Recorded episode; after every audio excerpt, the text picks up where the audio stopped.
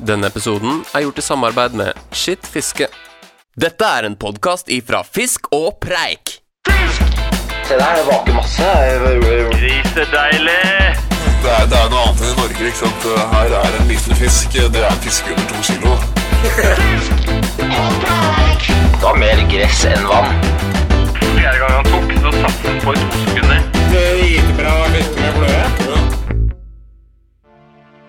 Hva skal man med ei femi fluestang?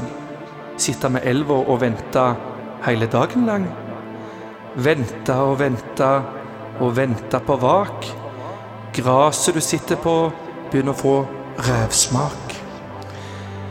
Da er det mer macho å fiske i sjøen.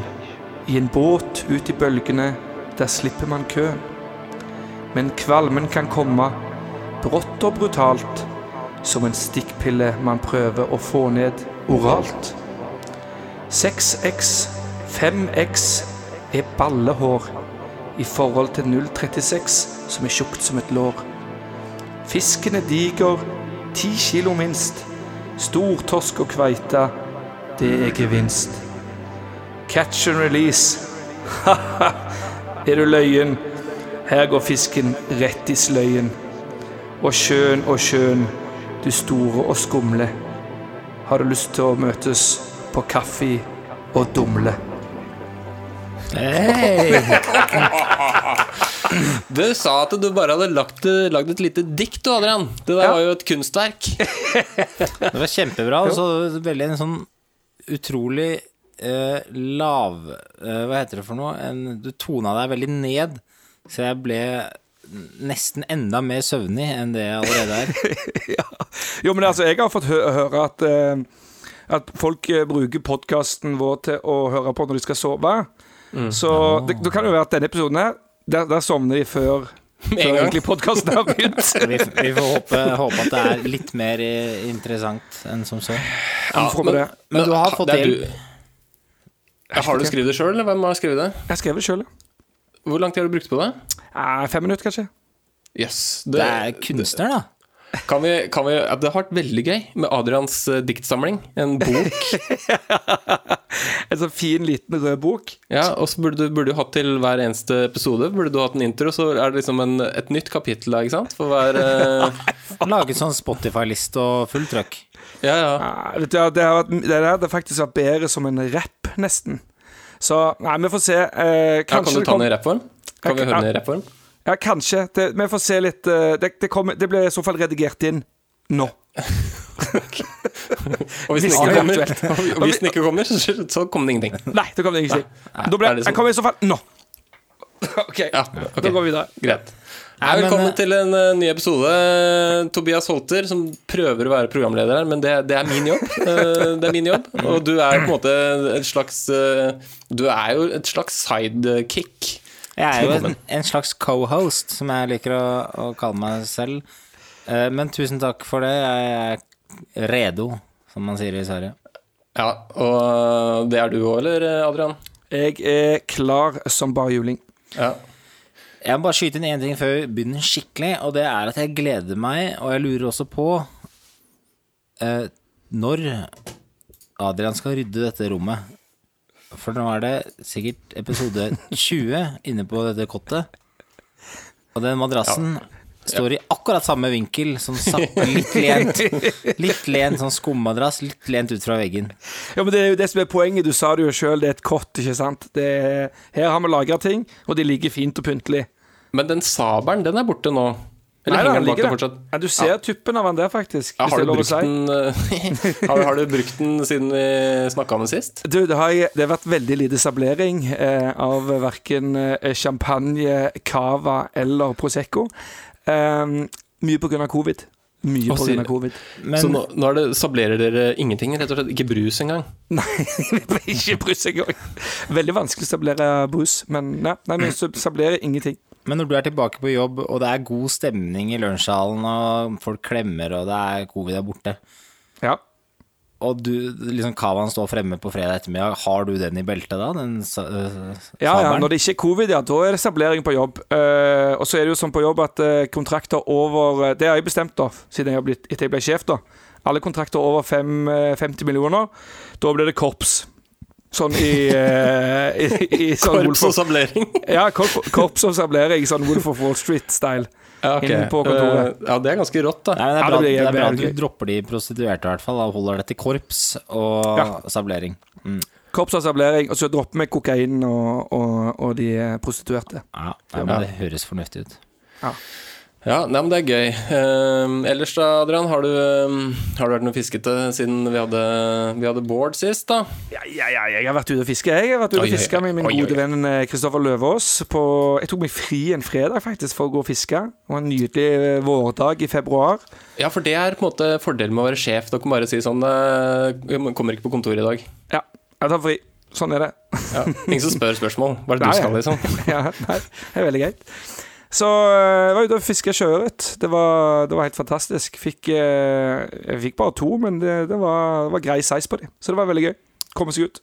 Hvor mange sjøørret fikk Kristoffer Løvaas? Jeg fikk null. Hva fiska du med? Jeg fiska selvfølgelig med bøsserøven som du har lagd, Tobias. Hvis det var det du hinta til. De, Du bare sa sånn eh, 'Jeg vil faktisk anbefale bøsserøven', eh, sa du sånn til meg. Nei, men jeg kan faktisk eh, Jeg tar imot bestillinger. 100 kroner flua. Det er såpass, ja. Nei, men de funker jo. Hvis du først er på fisketur, så betaler du 100 kroner for å fiske rundt alle de du fisker med. Er det derfor ikke jeg har fått noen fluer i posten? For jeg har faktisk spurt deg flere ganger om jeg kan få noen eh, bøsserøven. eh. Ja, men det er forskjell på å få, liksom? få og Nei, men jeg skal, vi skal ordne en bøsserøven til deg, Lasse. Ja, takk. Men jeg skal gi deg én gratis først, og så når den, så merker det blir sånn narkotika. Så merker du at eh, når, den begynner avhengig, å bli, liksom. når den blir slitt, og du begynner, begynner å tære på siste, siste verset, så, så kommer det til å komme krypende og gjennom internett og be om flere. Ok. Ja, men ok. Kult. Han var ikke så entusiastisk i dag, han eh, programlederen vår, Adrian. Nei, han var ikke det. han var litt skuffa. Jeg tror det var det han var. Han var skuffa for at han må betale så mye for de der busserøvene. Nei, men jeg Men eh, nei, jeg, altså, jeg, jeg har ikke, det har ikke skjedd noe mer eh, i mitt liv sånn egentlig, utenom det. Nei. Nei. Nei, men jeg syns ikke det var så gærent, jeg. Det var Nei, bedre enn det det har vært de siste episodene. Ja. Jeg, har, jeg lovte jo sist at um, til neste episode så skulle jeg fiske på isen. Det løftet har jeg ikke klart å holde. Den ble jo veldig, kom jo veldig fort, denne episoden her, og det er jo bra. Ja. Men jeg, jeg har tenkt veldig mye på dette Jeg har ikke tenkt så mye på det, faktisk. Jeg skrinla det litt. øhm, For det er, nå er det overvanna sånn, tror jeg, da. Men, du, du, du tror det. Du har ikke vært nede og sjekka? Nei. Nei, men jeg tror det er jo så seint. Så jeg tok også isteden så tok jeg her om dagen og ringte til Løten RC-shop og bestilte opp ehm, sånn uh, balsatre. For Ismo-puppa. Eh, og så sa jeg til De leverer, ikke sant, for det her er jo folk som Balsatre er jo sånn Det er helt merkelig materiale. Det er, jeg vet ikke helt hva det er. Det minner jo egentlig om papp. Altså papp. Ja, ja. Det er, så, det er så lett, og så er det litt sånn her Det er ikke jeg vet, Det er veldig rart. Litt mykt, eh, liksom. Litt ja, litt mykt sånn mykt. Veldig sånn merkelig. Men det leveres jo i sånne pinner på én meter, vet du. Så du eh, og, den der énmeterspinnen med balsadre koster jo fire spenn. Så det er den basically gratis. Men siden den er én meter, eh, så kommer det jo noen sinnssyke fraktkostnader på dette greiene, da. Så ja, jeg, sånn, ja. ja. Eh, så jeg tok og ringte dem og sa drit nå og så send meg en meter med pinne. Ta Kapp den opp og putt den i en konvolutt, og så, og så sendte de meg, og da sparte jeg. Så det var jo kjempe, nesten billig, vet du. My, my, my billig. så Går, Men du, eh, Tobias, så- kan jeg, kan, jeg få lov, kan jeg bare få komme med raskt innspill på Ismopuppene? Ja, Jeg hva er Ismo-puppen, for de som ikke veit Ja, det? det er jo ei, ei flue som eh, um, imiterer ei vårflue. Ja, det Ja, ja, jeg spurte dere litt, så jeg er litt usikker. Ja, det så, så ut som et spørsmål. Det er en svømmepuppe, Det er det ikke en det? svømme, svømmepuppe. Um, Men vårflue, svømmepuppe? Vår, vår, vårflue som eh, Ja, de, de svømmer eh, inn til land, klekker, og så blir de voksne. Ja, men du, de- det som er fun facten min som jeg skulle komme med, det er at eh, kallenavnet mitt på, eh, på Call of Duty, det er Ismo-puppene. Ja, det er, det er helt riktig. Eh, Og det er, er det veldig- kjempegøy for de andre fluefiskerne som spiller Call of Duty. Bare yes! ja, at det er liksom Det er to som har bemerket seg. Alle andre er mer sånn det er folk som har Eh, Ja, det er folk som har sagt sånn Ja, jeg fisker med nøkkelhånd. Men uansett eh, eh, eh, Folk har også sagt sånn ah, er liksom sånn It's my It's my puppan. You know, eller ja, Så nå har jeg fått kallenavnet It's my tits. It's my tits, ja. Ja, Okay. It's my tits. Men det, It's my det er, tits. men det er gøy, du har sikkert lagt merke til i Call of Duty, da, sånn dataspill, for liksom vet det, så rett før Eller med en gang du dreper en, en annen, da, så da kan du høre hva de sier. Mm. Og det har vært veldig gøy hvis det er noe, du drepte en eller annen fyr, så hører du bare sånn derre or die! I bakgrunnen. Kjempegøy. Det var kjempe- Nei, men tilbake til uh, fiskerelatert. Veldig bra, eh, veldig bra um, avsporing, eh, Gamban. Ja. Jeg skal Hva, kudos, hvor er vi? Hvor er, var vi? for den. Ja, men du har Ja, du, veldig du har. Ja, men du har veldig sånn lite energi i dag, du òg, Tobias. Du må Ja, men ok, nå skal jeg spore av. For at jeg lå på sofaen, sa til min eh, bedre halvdel at eh, vekk meg ti på åtte hvis, eh, hvis jeg sover da. Og så tar hun og så røsker meg i, i armen ti på åtte og sier nå er klokka ti på åtte. Og, ikke sant, så, og når du bråkner sånn etter et kvarter, du aner ikke hvor du er, og det eneste du har lyst til, er å ta tak i beina hennes og bare kaste henne et sted, men det kan du ikke gjøre. For Bare smelle rett ned, liksom? Ja, men du, det er jo det verste som skjer. Det verste er jo å våkne i sånne powernaps. Ja, ja. Men jeg er jo kvalm og skjelven og alt mulig. Og så i tillegg så har jeg akkurat drukket en øl som jeg fant i kjøleskapet ute i boden, som jeg brygga for sikkert to år siden. Aner ikke hva det er. Og det var ikke så veldig god heller, men jeg pressa den ned for å komme litt i stemning. Og den tror jeg har gjort eh, lagd, lagd litt sånn eh, Litt uh, ujevnheter nedi magesekken. Det er sånn Jeg tror det må ha vært noe do, eh, sånn roofies oppi der òg, Tobias, for du er veldig sånn eh, slapp nå. Ufiltrert, vet du. Nei, men jeg har i hvert fall begynt Jeg, mista det helt, jeg har ikke fått fiska, og jeg har begynt å spikke fluer. Ja, en Flott oppdatering eh, fra ditt liv. Jeg kan jo ta stafettpinnen videre der. Eh, jeg skal fiske. Det er vel Så dårlig. ja, det er ikke bra. Nei, jeg, har, jeg har vært veldig piskesugen i det siste, men eh, jeg driver jo selv Jeg driver og selger leiligheten her, så, så jeg, jeg, jeg har ikke så veldig mye tid til, eh, til å fiske. Men jeg skal fiske til helgen. Men, men jeg har begynt masse fluer i det siste. Ja, det er bra. Det er Jeg har begynt masse fluer. Og jeg har bestilt fluer, eh, spesialfluer fra Spania. Gjeddefluer av en sånn eh, gjeddegud. eh, Eller gjeddebindegud der nede. Betalt de- masse penger. Er det gjedde i Spania, egentlig? Nei, det lurer jeg også på. Jeg skjønner ikke hvorfor han er så jækla flink til å binde gjeddefluer. El Pico kaller de det i Spania. Ja, så verdens uh, hyggeligste fyr på Messenger, da. Uh, så han har bestilt fluer av. eh, og begynt fluer. Det er vel det. Veldig trist, rett og slett. Det blir spennende da, å høre om du får noe nå til helgen. Ja. Det er svær fisk. Ja, jeg skal ut og fiske sjøørret, så da skulle jeg gjerne hatt den uh, bøsserøven, men den, uh, nei, den eh, kom aldri i posten. Så jeg tror vi bare kjører videre, gutter, til, uh, til dagens gjest. Er dere klare, eller? Ja. Dagens gjest kommer. Oh. Dagens gjest Disco Black.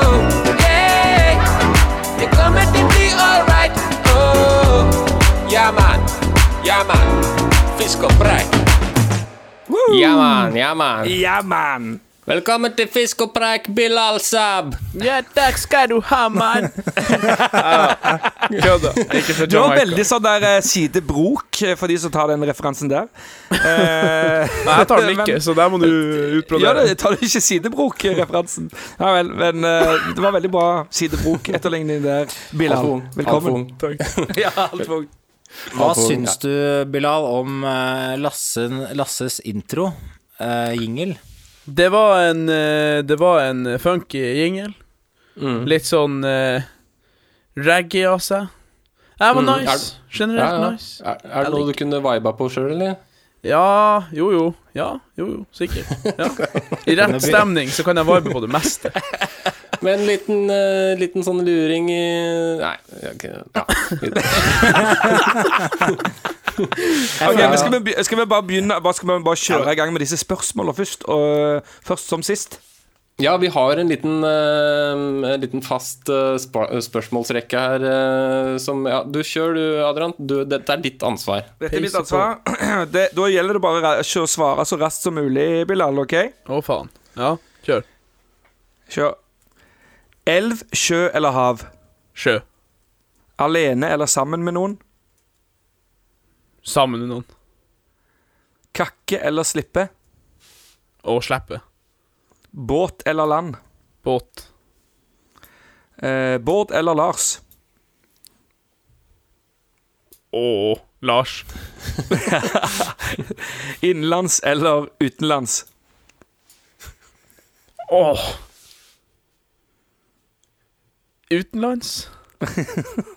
St eh, størrelse eller opplevelse? Opplevelse. Flue eller sluk?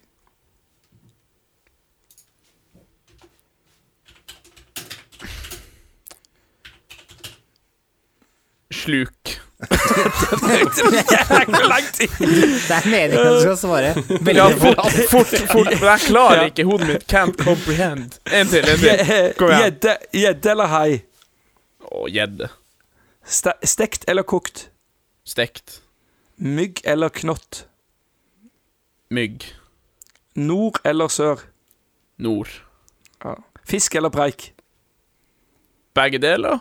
Ja, det er lov, det. det. lov. Ja, OK. Fisk. Men, men preik i lag med fisk. Det går an å gjøre begge deler. Det har jeg fått høre, i hvert fall. Multitasking. Multitasking. Jeg er ikke så god på det, men vi kan prøve. Men det er litt sånn typisk eh, finnmarkinger-inntrykk her. Var, var en gang jeg var eh, oppe i Finnmark og skulle ta taxi i to timer. Og så satt og smalltalka med en taxisjåføren, og så sa han plutselig sånn Ja, å, så Her er det Ja, det er noe Ja, det er vel det er et stykke borti her nå. Men nå, vi, ja, nå ser du det ikke lenger, men det er Finnmarks eh, kaldeste punkt, i hvert fall. Nei, det der det må være oppdikta. Det går ikke an. Det er Kødder du? sant. Nei, jeg, det, han brukte så lang tid på å forklare Men det er litt sånn Er dere litt treige der oppe, eller er det, er det Det hørtes ikke ut som du var helt enig, da. Ah, nei, faen, jeg vet, ikke hva Jeg tror ikke vi er treig Treig, sier jeg faktisk. Jeg tror ikke vi er så jævla treig, eh, men eh, jeg vet ikke. Veldig mange av oss skal prøve, kanskje prøve å høres litt smart ut når man skal omformulere seg til dere eh, si, byfolket. Det er jo ikke sikkert sikkert må vi gjøre oss eh, forstått, liksom. Ja, Men må i eh, hvert prøve. det er nok en gjest altså, som uh, sier mygg over uh, knott, og det er for meg uforståelig. Nå skal du høre her. Jeg har verdens jævligste opplevelser med knott. Jeg hater knott av hele mitt forbanna hjerte. Jeg kan brenne dem. Jeg hater dem. Eh, vi padla Karasjokka når jeg gikk i sånn her tiende eller noe sånt, niende, tiende klasse. Og da var jo jeg kronidiot og tok med meg Svalbard-telt. For dem som lurer, så har et Svalbard-telt Det er et flott telt, for all del. Eh, men det har litt sånn Ja, hva man si Store åpninger på den jævla insektnettingen. Så når du sitter og ser på at knotten bare pop gjennom hver eneste sånn der eh, netting i det der eh, opplegget der, så Da har du lyst til å bare finne nærmeste busk og bare gi seg tvert. Det, det var grusomt. Vi våkna fire ganger i løpet av den natta og hadde sånn klappeseremoni. Det var helt grusomt. Så eh, Første bud til alle fiender, det er jo kanskje å se dem. Og de der bitte små jævla drittfluene der, der kan holde seg vekk. Mygg, det ser man, rekker man å klappe vekk, så det er jo fint. Men Ja, de, sant, de kravler jo inn i alle kroppsåpninger, og det er jo Det kiler jo litt. Jeg kjenner Ja, jeg får det det er Du syns det er litt deilig, du, med knott, eh, Tobias? Ja, det, det, det forstår jeg ikke så godt. Jeg, Har sånn, eh, sånn Jeg, jeg bruker sånn Vision vadebukse med glidelås, altså så snur jeg den rundt, så jeg får glidelås eh, på bakenden. Og da kan jeg bare sippe ned bakenden, og så full inngang, full innrykk. Men ehm, skulle bare Vi har jo Min er ikke på topp i dag, merker jeg.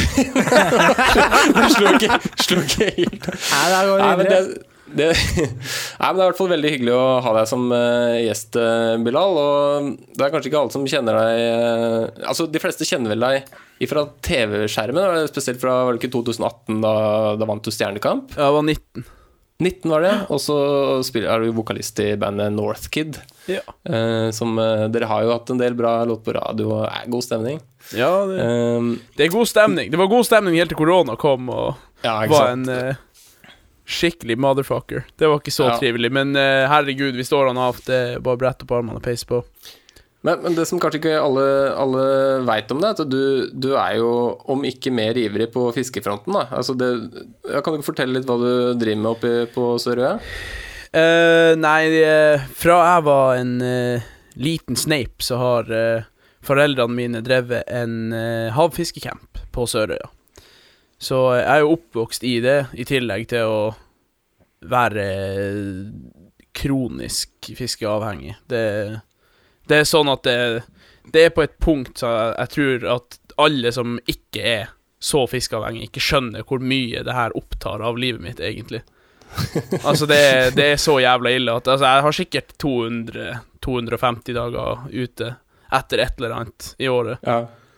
I hele sesongen. Ja, hele sesongen. Eller hele året, mener jeg. Ja, nei, det Altså, selvfølgelig, de svarteste månedene Nå har det jo vært litt spesielt med det her covid-jævelskapen, men jeg og eh, Når jeg ble eh, Etter at jeg ble 18, da, så fikk jeg helt spader på det her eh, eksotiske eh, tropefisket, da. Så hadde du gått på den smellen her, ja. Ja, det var dumt. Det var jævla dumt. Det skulle man jo aldri ha funnet på. For eh, da var det jo plutselig enda en ting å bruke altfor mye penger på og altfor mye tid på. Så, så det Nei, i de månedene så er det tanken på å komme seg dit, når det er helt bekksmørkt og blåser ja. sørøst eh, klestørsk inn fra eh, vest, holdt jeg på å si. Seriøs klestørsk inn fra vest. Da, da begynner det å blåse hardt. ja. Så hvor er eh, det Hvor er det på Sørøya er det du um, er fra? Er det Hasvik som Hasvik, er ja. stedet? da? Det stemmer. Hasvik. Men du, et spørsmål. Når du eh, er mye ute på, på sjøen, eh, hvordan takler du sjøsyken, da? Eh, det går fint nå. Det gikk ikke fint før. Eh, jeg brukte Jeg brukte fra jeg var sånn her eh, Ja, 13-14 Ja, når jeg tok båtførerprøven, blir det jo obviously, så 14 år. Og ja, 3-4 år på å klare å være ute i mer enn sånn seks timer uten å dø. Så eh, Det er en litt dårlig kombo. Ja, det er litt dårlig kombinasjon. Elsker å være ute. Det er bra slankekur da, hvis man er ute mange dager på rad. Jo, nei, men jeg var eh, Jeg var smart sånn sett. Jeg for ut, og så var jeg på havet til jeg var liksom millimeter unna å spy. Og så var det bare rett på land, rett opp på brygga, og ligge der som ei sjøstjerne og puste tungt til du kom deg igjen, rett og slett. For, for det er noe man kan, liksom, kan venne seg til, eller? Ja, det Jeg har hørt folk har venne seg til det på hardere måter, og at uh, det går fint. Ut på en tråler i ei uke, liksom, så er du kurert. Men da har du jo Ja. 5000 ganger i løpet av den der uka òg. Så uh, det er ikke helt uh, my jam. Jeg er ikke mørkeredd, jeg har ikke høydeskrekk, men jeg har faen fobi for å spy. Det kan jeg love deg. Altså, jeg, jeg blir helt Jeg får spunk. Så, eh, så det unngår jeg hvis jeg kan. Mm. Men er det ikke masse preparater å få på apoteket for å motvirke dette her, da? Jo, du har eh, sånne her eh, plaster. Funker for noen, ikke for meg. Sånn, ikke litt engang. Og så har du jo Postafen, og det funker jo. Eh, sånn relativt greit, helt til det blir skikkelig drittvær. Og så har du en veldig sånn eh, Ja, kan man si negativ bivirkning når du skal fiske og være litt konsentrert, og det er at du blir drittrøtt. Så du står der og lurer på hva meninga med livet er, samtidig som du har lyst til å fiske, men ikke har lyst til å fiske. Så det, det er katastrofalt, akkurat det der. Men så har jeg prøvd én, men det har ikke jeg fått tak i igjen siden. Det var en liten apoteker i Antwerpen i Belgia. Som lagde noe greier, og det hørtes jo Det høres, det høres funky ut. Eh, men eh, er en, eh, en av mine sånne mentorer for havfiske, han eh, Mark van Roy heter han. Han, han bor her ute, da, og han er belger. Han hadde fått tak i noen sånne, og dem tok jeg, og jeg kjente faen ikke en drit. Det var helt sykt. Vi, vi var i Papua Ny-Guinea i sånn her Jeg vet da faen, fire meter høye dønninger og var på tur eh, gjennom en syklon.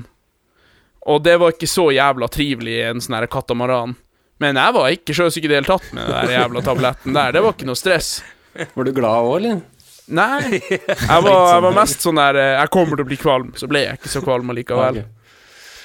Men, eh, men er det sånn at uh, dere som på en måte driver et uh, tu- litt sånn i turistnæringen, da, for, uh, for sjøfiske, sånn som jeg forstår det Ja. Er det sånn at når dere Når det kommer eh, Oslo-folk opp, da Nei, nå skal vi fiske, og så blir de kvalme, så er det sånn Se på Søringen, han er kvalm.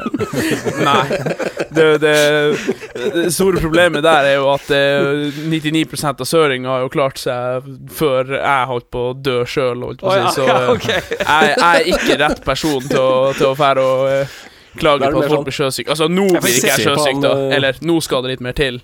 Men før Så det, ja. Ja, for jeg ser for meg de, altså, at de står der, gjerne foreldrene dine Se på Søringen, nå mater i torsken. ja, nei, ja, det er ikke fullt så ille, heldigvis. Ah, okay. Men uh, Ja, jeg har vært med på et par runder der det «Øh, Jeg er ikke sjøsyk! Og så går det fem minutter. Sånn uten å overdrive. Og så er det noen som må mate ei krabbe, og det Ja.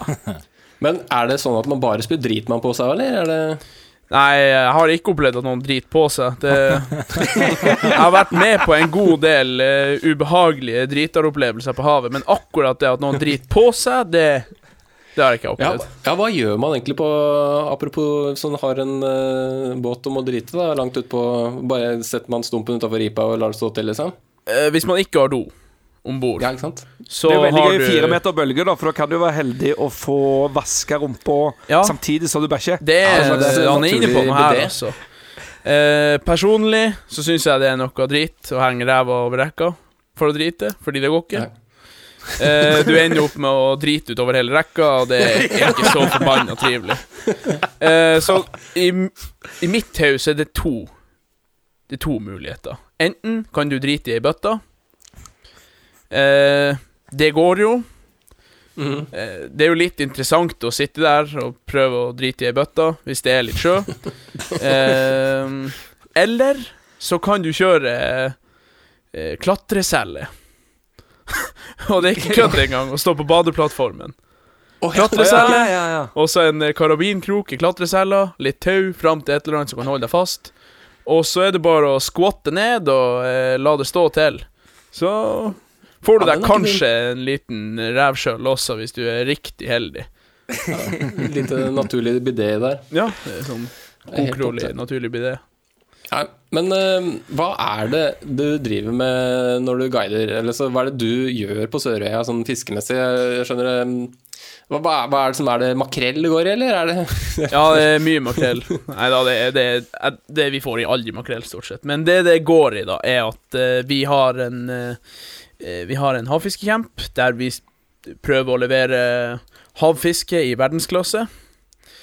Intet mindre, rett og slett. Mm, Og ja. eh, det vi targeter, er som regel eh, de arktiske eh, gamefishene, da.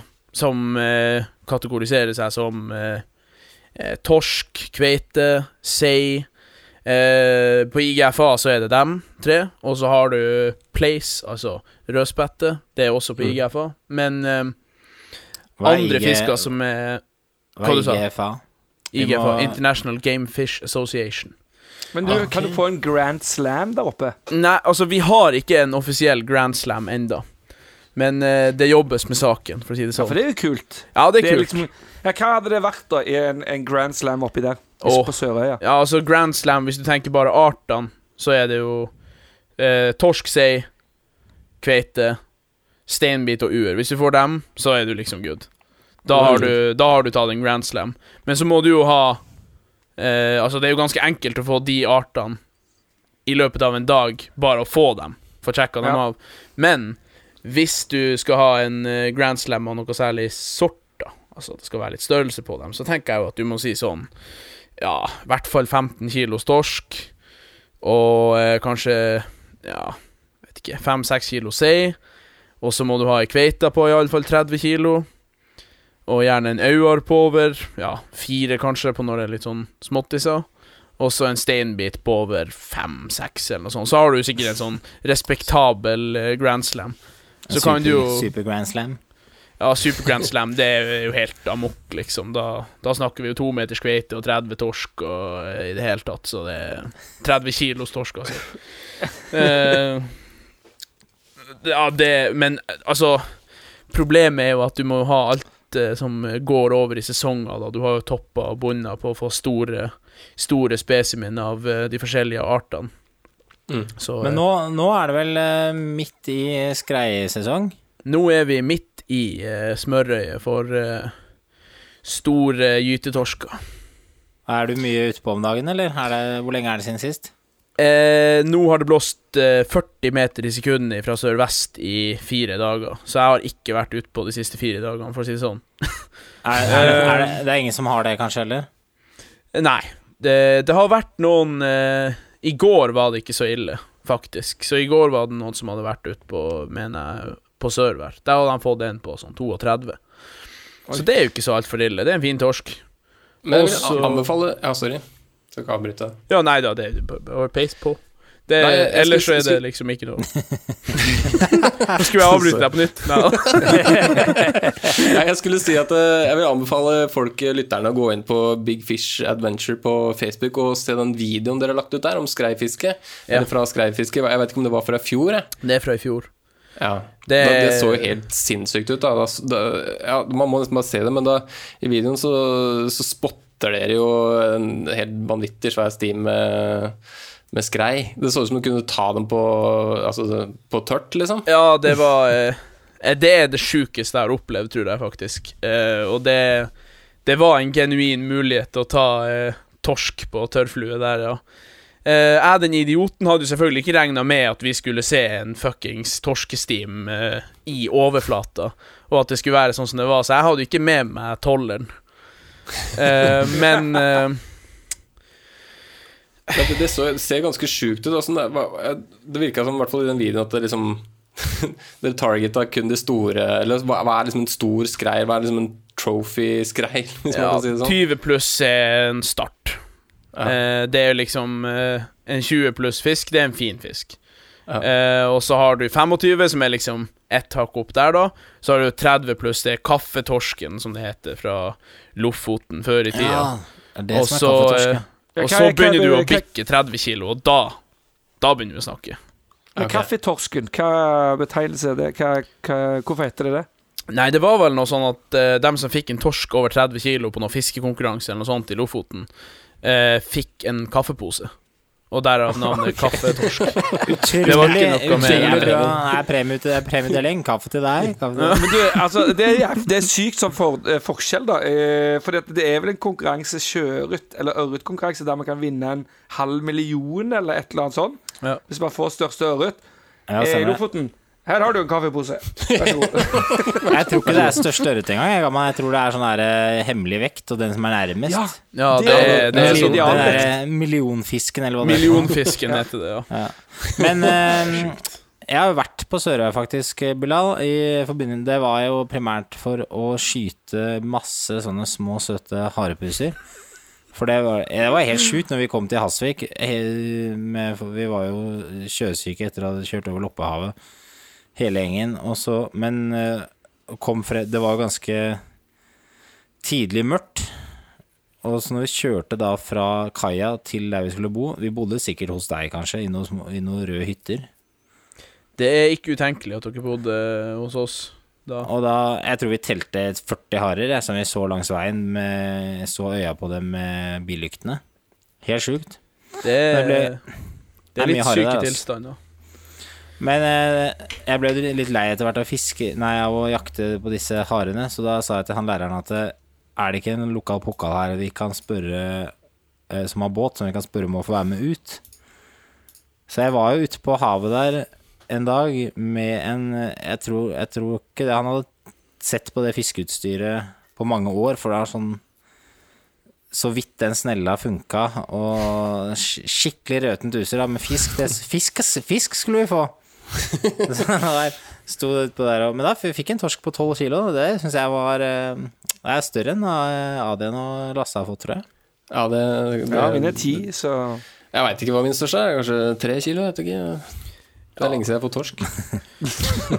Nei, vi, den dagen den videoen som Lasse snakka om, Mm. eh, der sto vi og kasta ut fisk under 20 kilo, for det var bare småfisk. ja, Det er sykt. Det var veldig spesielle tilstander, da, riktignok.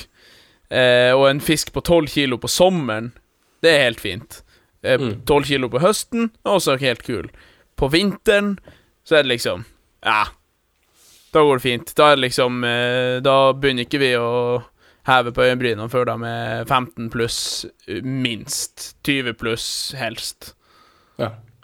Men, eh, men øh, holdt på å si, den torsken på sommeren, da, den er vel stasjonær i området, eller, er, er det også, eller kommer det skrei inn på sommerstid og liksom? Det kommer ikke så mye skrei inn på sommeren, nei. Det gjør det ikke. Eh, da er den ute, har sånn her eh, vandring, rett og slett, ute i Barentshavet. Så det er Eh. kun inne for å gyte på den tida her? Ja, eller det er jo gyte og spise, da. Den spiser Ja, først, og så gyter den, og så kan den jo spise litt etter det og på tur ut. Men den følger jo ofte lodd, da. Mm. Så Ja, sånn Det er jo- sildeart eller noe? Ja, lodde altså krøkle, bare Ja, okay, saltvann. Ja, mm. ja, nettopp. Men Så- eh, bare sånn, eh, sånn Hva er din største kveite, sei og torsk? Uh, jeg har ei kveite på to meter og ni sankt. Ja, for da, er det, da begynner du snart å måle. Ja, nei, vi Altså eh, Jeg er kronisk catch and release-fisker. Jeg har eh, sikkert fått eh, 500-600 kveiter. Ja, mer enn det òg, tror jeg. Og eh, jeg har ikke kakka mer enn 50. Oi. Det er jeg helt overbevist om. Og, jeg, og, og av dem så har jeg kakka de aller fleste til restauranten. ja, sant. Eh, på Men hva er ideell kakkevekt på kveita? Det er etter min mening mellom 1 meter og 1 meter og 20. Og Ja, helst, helst rundt 1 meter og 10. Pluss minus fem sankt. Men én meter, uh, i- vi som forholder oss til uh, vekt, hva er det, da? 10-15 kilo. Ja. Ja, okay. Alt som er over det, er oftest hofisk. Litt grovere i kjøttet, litt mer fett. Eh, etter min mening smaker den da litt dårligere. Den er litt for grov i kjøttet. Og den er for viktig for eh, bestanden for at jeg skal gidde å kakke den. Men det er jo litt eh, eller sånn Du snakker nå, det er veldig sånn eh, sunn forvaltning, da. Sånn som eh, vi er opptatt av i forhold til ørretfisk og laksefisk og sånn. Men sånn tradisjonelt sett der du bor, da, så er det vel kakking som gjelder? Eller liksom, hvordan blir det tatt imot blant de eldre, på en måte? Det er jo Det er litt variert.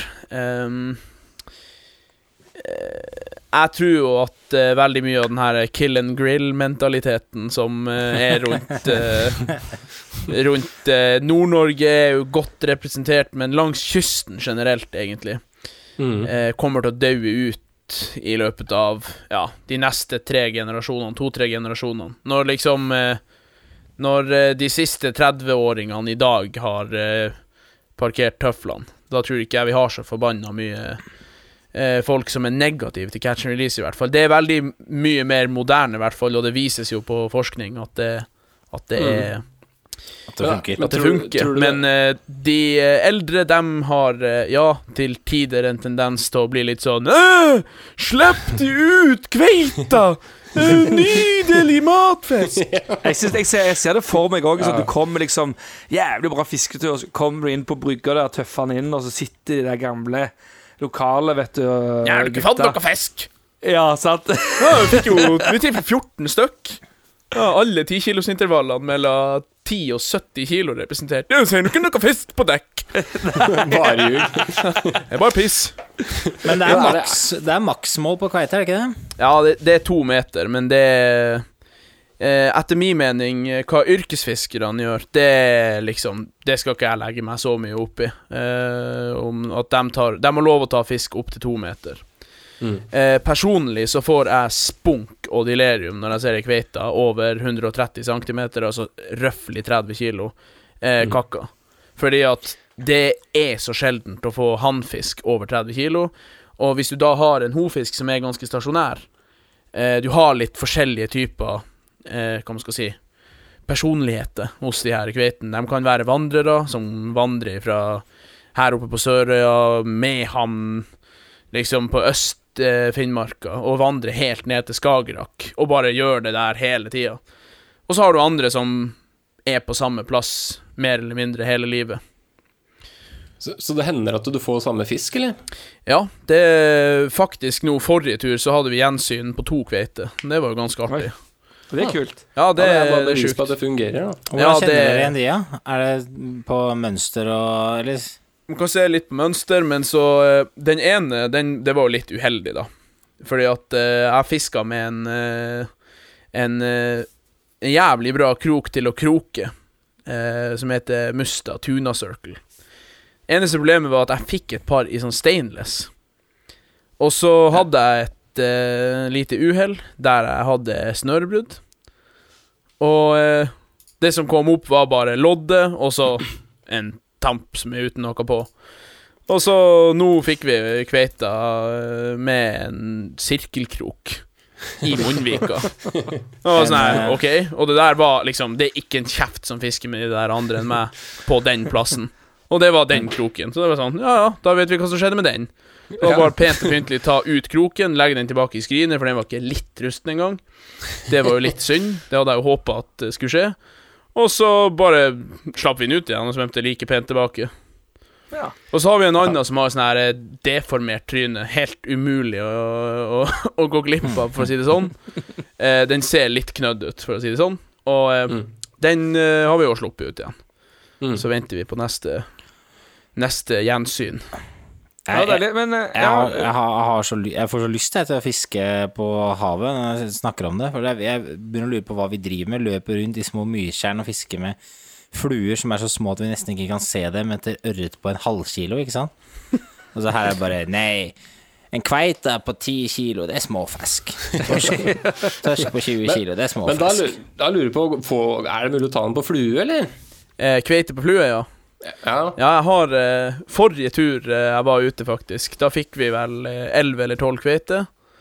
Eh, der vi hadde toppfiska på 137-134 cm. Så de er den, eh, Jeg fikk den korteste av de to, da, på 134 cm, og den var bollerund. Og eh, han eh, Daniel, han fiskekompisen min, han fikk en på 137 som var eh, tynn. Eller den var, den var ikke så jævla tynn, den var bare så jævla smal. Så det var Vi tenkte ja, den fisken er 20 kilo tops. Og så målte vi den, og det var sånn I helvete. Så lang. Så eh, da var fikk vi nå dem, da, men eh, med angående kveite på flue Mm. eh, Jeg hadde et par-tre forsøk eh, der vi tisa dem opp til vannflata med agn. Eh, Beiter dem opp, liksom? Ja, rett og slett. Mm. Eh, med agn eller med jigg. Og så var det bare å lempe uti det der eh, 850 grains jævelskapen eh, og ei eh, stygg gjeddeflue midt i panna på den. Og eh, den ga seg egentlig en jam faen. Akkurat da. Ja, den, ville vil ikke ha den? Nei, ikke da. Nei, okay. Men jeg tror at eh, jeg har eh, Jeg har tenkt litt på det der, og jeg tror at eh, en sånn her curly tail, eller dragon tail, eller hva det nå heter, Ja, ja, ja. som de har på gjeddeflue, må være Ja, the ja. Mm, du må. Jeg sendte en mail faktisk til han derre svensken som eh, Han eh, ja, Vision. synes- Ja, Vision Han. Niklas Bauer. Ja, ja, han spurte om ikke han kunne sende meg noen sånne wiggle Tales. Wiggle Men det var jo helt eh, Det fikk jeg ikke, så jeg måtte kjøpe masse materialer og binde det sjøl. Men Wiggle, eh, wiggle, wiggle. wiggle, wiggle. Jeg har faktisk en dunge med wiggletails liggende her hjemme. Det eneste er at jeg må bare få kjøpt meg Jeg må bare få kjøpt meg Det limet jeg hadde en eller annen gang, det finner jeg ikke. Så jeg må bare få kjøpt meg noe lim og bare få satt meg ned og faktisk gidda og, og betta på. Og så få laga et eller annet system med en vaier eller noe, så jeg kan sette på de der wiggletailsene på de gjeddefluene jeg har. Ja, det må jeg gjøre. Jeg har en eh, kompis i Bodø som heter eh, Geir Jonny. Han går under nicknamet G-Money. Eh, Nei, men eh, i hvert fall han, eh, han Jeg snakket med Ringtan her om dagen, og han var bare helt gira. Da, for han hadde vært ute og fiska for ikke så lenge siden, og så en Han skjønte ingenting, da, for han, han så en svær kveite som uh, liksom slo eller tok noe i overflaten. Altså, nei, det tror jeg ikke noe på, det er bare tull. Men, men han mente at det er helt bestemt at den har vært oppe og kanskje tatt en skada liten sei eller noe sånt, da. Fordi det, jeg vet ikke, han sier at de ligger jævlig grunt da, nå på våren. Og det er Eh, klart, klart vann. Det er, Og det er litt sant. Eh, de jakter ofte på lodde og tobis og sånn, som er akkurat våkna til liv. Mm. Eh, men eh, den tidlig Eller hva man skal si, de er som regel grunnest eh, litt utpå høsten. Men Ja. eh, de er grunt også nå. Nå er de akkurat ferdig å gyte, og da er de sultne. Da vil de Ja, for han, eh, han sitter og binder popper han nå, for han skal få Så han, hans, hans plan er å få kveite på popper fra kajakk. Eh, er herre fred. Ja, der begynner vi å Nå Så begynner vi å snakke. jeg er jævlig spent på opplegget, opplegget der. Men eh, det er flere da som prøver å få de på Kveite på tørt, da, da havner du på VG, tror jeg. Vi hadde jo, eh, vi hadde jo en helt eh, syk opplevelse. Jeg har sett én gang med en kompis. Uh, da uh, lå vi bare og rak her rett utfor havna. Vi skjønte ikke hva det var. Det var en sånn spor som bare drev og slo i vannflata. Masse. Og bare, ja faen, det må jo være kveite, for da hadde vi, vi hadde fått sånn her 20 kveite på den samme plassen den dagen. De drev og beita på loddet som var langt oppe i vannflata. Og eh, tok han kompisen min og bare pitcha en sanddeal 10-15 meter mot det der plasket, da. Og sveiva fort som juling. Da kom det ei kveite på sånn her 8-10 kilo. Tok jiggen og bare dundra ned. og, eh, og den lå jo åpenbart i vannflata og kava. Så han eh, Daniel, han ene guidekollegaen min, han var ute i fjor og guida et gjeng på en plass der eh, vi har fiska mye. Vi vet at de er jævla grunt. Og eh, da var det plutselig bare et sånn jævla plask inni en liten eh, alkeflokk. Og det Oi. var syv, og det ble til seks alker. og da kjørte de bort og så, så var- så de bare sånn diger kveite som lå og dreiv nedi der. Så de går og tar, eh, de går og tar uh, fugl. Det er helt sjukt. Det er, det er helt sjukt, da. Det her er jo et fisk... Men tenk hvor mange dager du har vært på havet, Bilal, og du har ikke sett det mange ganger. Men det at det, det forekommer, det er jo på en måte nok til Vi fiskere er jo ofte eh, glad i å gjøre ting vanskelig for oss selv. Så det altså nå begynner også å targete kveite på tørt, ikke sant? for du vet det er mulig. Så da, da gjør, det er noen som er tjukke i huet nok til å velge Ja, da skal vi gjøre det. Jeg har tenkt blir det- mange ganger at jeg skulle ha alk- Ja, Du blir liksom alkeimitasjon. Ja, ja. Det? Ja, altså, det er jo en, eh, det er jo en jigg som heter puffin. Er det, ja? som er lundefugl, da. Og verdensrekorden på torsk blir faktisk tatt på en puffin. Det er jo helt jævla Ja, det- idiotisk å tenke på, men ja, jeg er ganske sikker på at det går noen lundefugler, noen alker, noe drit midt i skreisesongen når de er med på sånn 30 meter og vaker i de der eh, eh, loddestimene. Da Ja, for, for, når, du sier at de går grunt òg, da, altså, hva er det? Er det liksom en meter, eller er det 30, eller er det Nei, det kommer an på. Eh, grunt, grunt kveite. Da mener jeg mellom 5 til 12 meter. mm. Da er det jo mulig å ta dem med, med, med synk 5 og, og liksom eh, Ja. Hvis man er, men de er aldri inne på noen sånn ordentlige grunner, da, som du kan stå i vannet, liksom, eller sånn Ja, altså, Det er hender jo, eller- men det du må lete etter da, og det er jo liksom Det er vanskelig å planlegge at det skal skje, men for eksempel hvis Mm. en tobistime presser opp i fjæra, mm. eh, og det det er skje, liksom. relativt langgrunt der, da kan du Mm. se stor fisk helt opp i land. Mm. Eh, jeg var jo ute med en eh, klient i fjor, og da lå vi og dreiv eh, på ja, mellom 15 og 5 meter. Så var jeg på tur til å avslutte driftet, kjøre ut igjen. Og så visste jeg, for vi fikk ei på 80 kilo på den plassen eh, året før. Og jeg visste at det var mye stor fisk i området der, spesielt på den tida av året. Det var nesten samme dato som liksom året før, når vi fikk den der store, da. Ser over rekka, og da ser jeg sånn at det var en jævla rar tangflekk. Og det var litt bølge, så den drev liksom og flaksa litt fram og tilbake. Og så var det akkurat stille nok i et lite parti til at jeg så hva det var. Og da så jeg det var jo ei giga jævla kveite. Liksom sånn 80 til 80 til 100 kilo, rundt to meter lang. Og så ser jeg litt til, så ser jeg jo faen Det kommer jo ei til ei som er nesten like stor rett bak den. Og jeg står der, og plutselig så ser jeg bare den der seien som var rett under båten, da. Vi egner med sei. Den bare flyr av gårde med den her kveita bortover. Og da klarte vi å krøke den. Eh, den hang på i ja, kanskje 10-15 sekunder, og så datt den av. Så det var jævla kjipt. Men når vi drev inn neste runde, så så vi den jo på nytt, da. Og da hadde jeg en jigg nede, midt i panna på den. så ser jeg bare det kommer ei sånn her ti kilos kveite inn fra sida og stjeler jiggen. Det er det dummeste jeg har sett. Så jeg gikk glipp av en sånn her eh, gigajævel fordi at det kom en liten drit og stjal agnet, rett og slett. Ja, men det er ganske sjukt, da, at man kan faktisk se kveita, liksom, eh, tidvis. Ja, det vi har, eh, vi har hatt veldig mye, spesielt nå på våren når det er veldig klart i vannet, som dere var inne på i sted. Så de jakter jo De jakter ca. på samme dybde nå som de gjør i sånn begynnelsen av juli, men det er bare så sykt klart i vannet, så man ser dem mye oftere.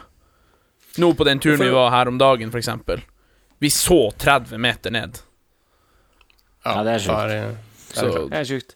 Men eh, skal la oss gå over til Det var veldig bra eh, besvart eh, når jeg, spørsmålet mitt var hva var største kveite? eh, men eh, neste spørsmål var jo da hva var største sei? Å, herre fred. Ja, den er ikke så stor. Eh, største seien jeg har, er ganske dårlig på. Jeg er på 11,8. Relativt stor sei. eh, Ja, det- det, det- når, man er, når man er guide, så er den Ja, den er helt OK. Altså, det er ikke noe Det er ikke noe liksom Hva er en trophy-sei? Ja, 15 pluss. Da, da kan du begynne å Da kan du da er de ganske sterke, er de ikke det? Jo, Altså, de er kule. De er jævlig stilige. Ja.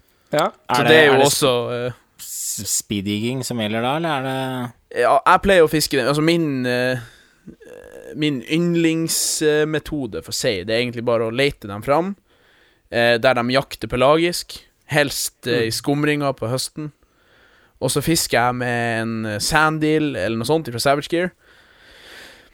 En liten jigg, altså. Helst tobis-imitasjon. Og så er det bare ned et godt stykke, og så er det bare å sveive på så fort du klarer. Du klarer ikke å sveive ifra en stor skje, for den bare kommer opp, og så tar den tak, og så kjennes det ut som at du bare Det er bare plutselig som noen bare slår i stanga, og så er det fullt utras. Men, det- men det, er def, det er jo speedjigging, er det ikke det? Nja, speedjigging, da, da har du jo liksom jigging. Så da er det jo at du, Å, du røkker opp, Så- og så sveiver du ned slakken. Ja, ja, Og så gjør du det der i en slags rytme, da. Ganske Ja. fort. Men det du snakker om, at du skal bare ned og så, så fort som mulig opp, liksom? Ja, du skal bare sveive. Du trenger ikke gjøre en dritt. Det er bare Jobbe å gjennom alle vanndager, liksom? Ja, det er, og jo mer du jobber gjennom, gjerne hvis du har noe som har litt glow, eller litt eh, flashy farger eh, Det siste, altså de, de beste fargene eh, som har fungert for oss på høsten, det har vært en sånn helt eh, grønn, sånn militærgrønn kropp, med litt gull glitter under, og så en sånn skikkelig fluoriserende hale. Og den har bare, de har bare slukt hele driten hel hver gang. Det er ikke et tema, det skal Men ned du kan, der. du kan se dem eh, Jeg har sett noen videoer på YouTube, eh, jeg tror det er fra Bodø, da, men eh, noen seistimer som driver og herjer i overflata. Det Vaker, liksom? Ja. Eller er det vanlig fenomen oppi Det skjer her også. Det og når det skjer, så er det jo Og spesielt når det er stor eh, fisk, da. Det er jo veldig, veldig ofte så ser du småsei opp til sånn her to kilo. Som er å hoppe og spise raudåter og sånne ting. Men da må du jo liksom Når de spiser raudåter, så må du enten krøke dem, eller så må du ha et eller annet som ser ut som en raudåte. Ok. Eh, eller og det- blanke kroker, noe sånt. Da, Ja, da tar de det. Men uh, de store, de hopper av og til. Og da er det gjerne en steam har, med småfisk, altså tobis eller noe, som de har pressa opp. Ja. Det skjer på noen få plasser rundt øya, eh, og når det skjer, så er det helt gale, Mathias. Men eh, det skjer ikke i like stor grad som f.eks. rundt Bodø, Saltstraumen, Nappstraumen, Moskenesstraumen, i områdene rundt der. Men Lasse og Adrian, jeg, jeg, dere så ut som noen spørsmålstegn når Bilal sa rauåte, men dere har sikkert ja, var Dere har, dere, dere har sikkert uh, vært og fiska sikkert med meg og på høsten, og så ser vi, når du ser makrellstimer på grunt vann, som bare ikke vil spise noen ting, de tar ikke, Ja, ja. da, og går i overflata, da tror jeg de går og beiter på raudåte. Det, det- det ser Ja, ut som at vannet bare er litt rødt. Og hvis du ser i vannet, Ja, ok. så er det liksom Det er som eh, Ja, vet da faen. Knott på liksom. størrelse. Nei, det er Ja, okay. bitte små krepsdyr Mm. som er røde. Men jeg føler meg litt havfisker eh, og speeddigere, for jeg driver med det samme nede på Sørlandet. Når jeg fisker makrell, da ut med harpa mi, Sitter på Jeg bruker som agn, jeg òg, da, sånn som deg, Bilal, men til krabbeagn. Til krabbetegnene mine.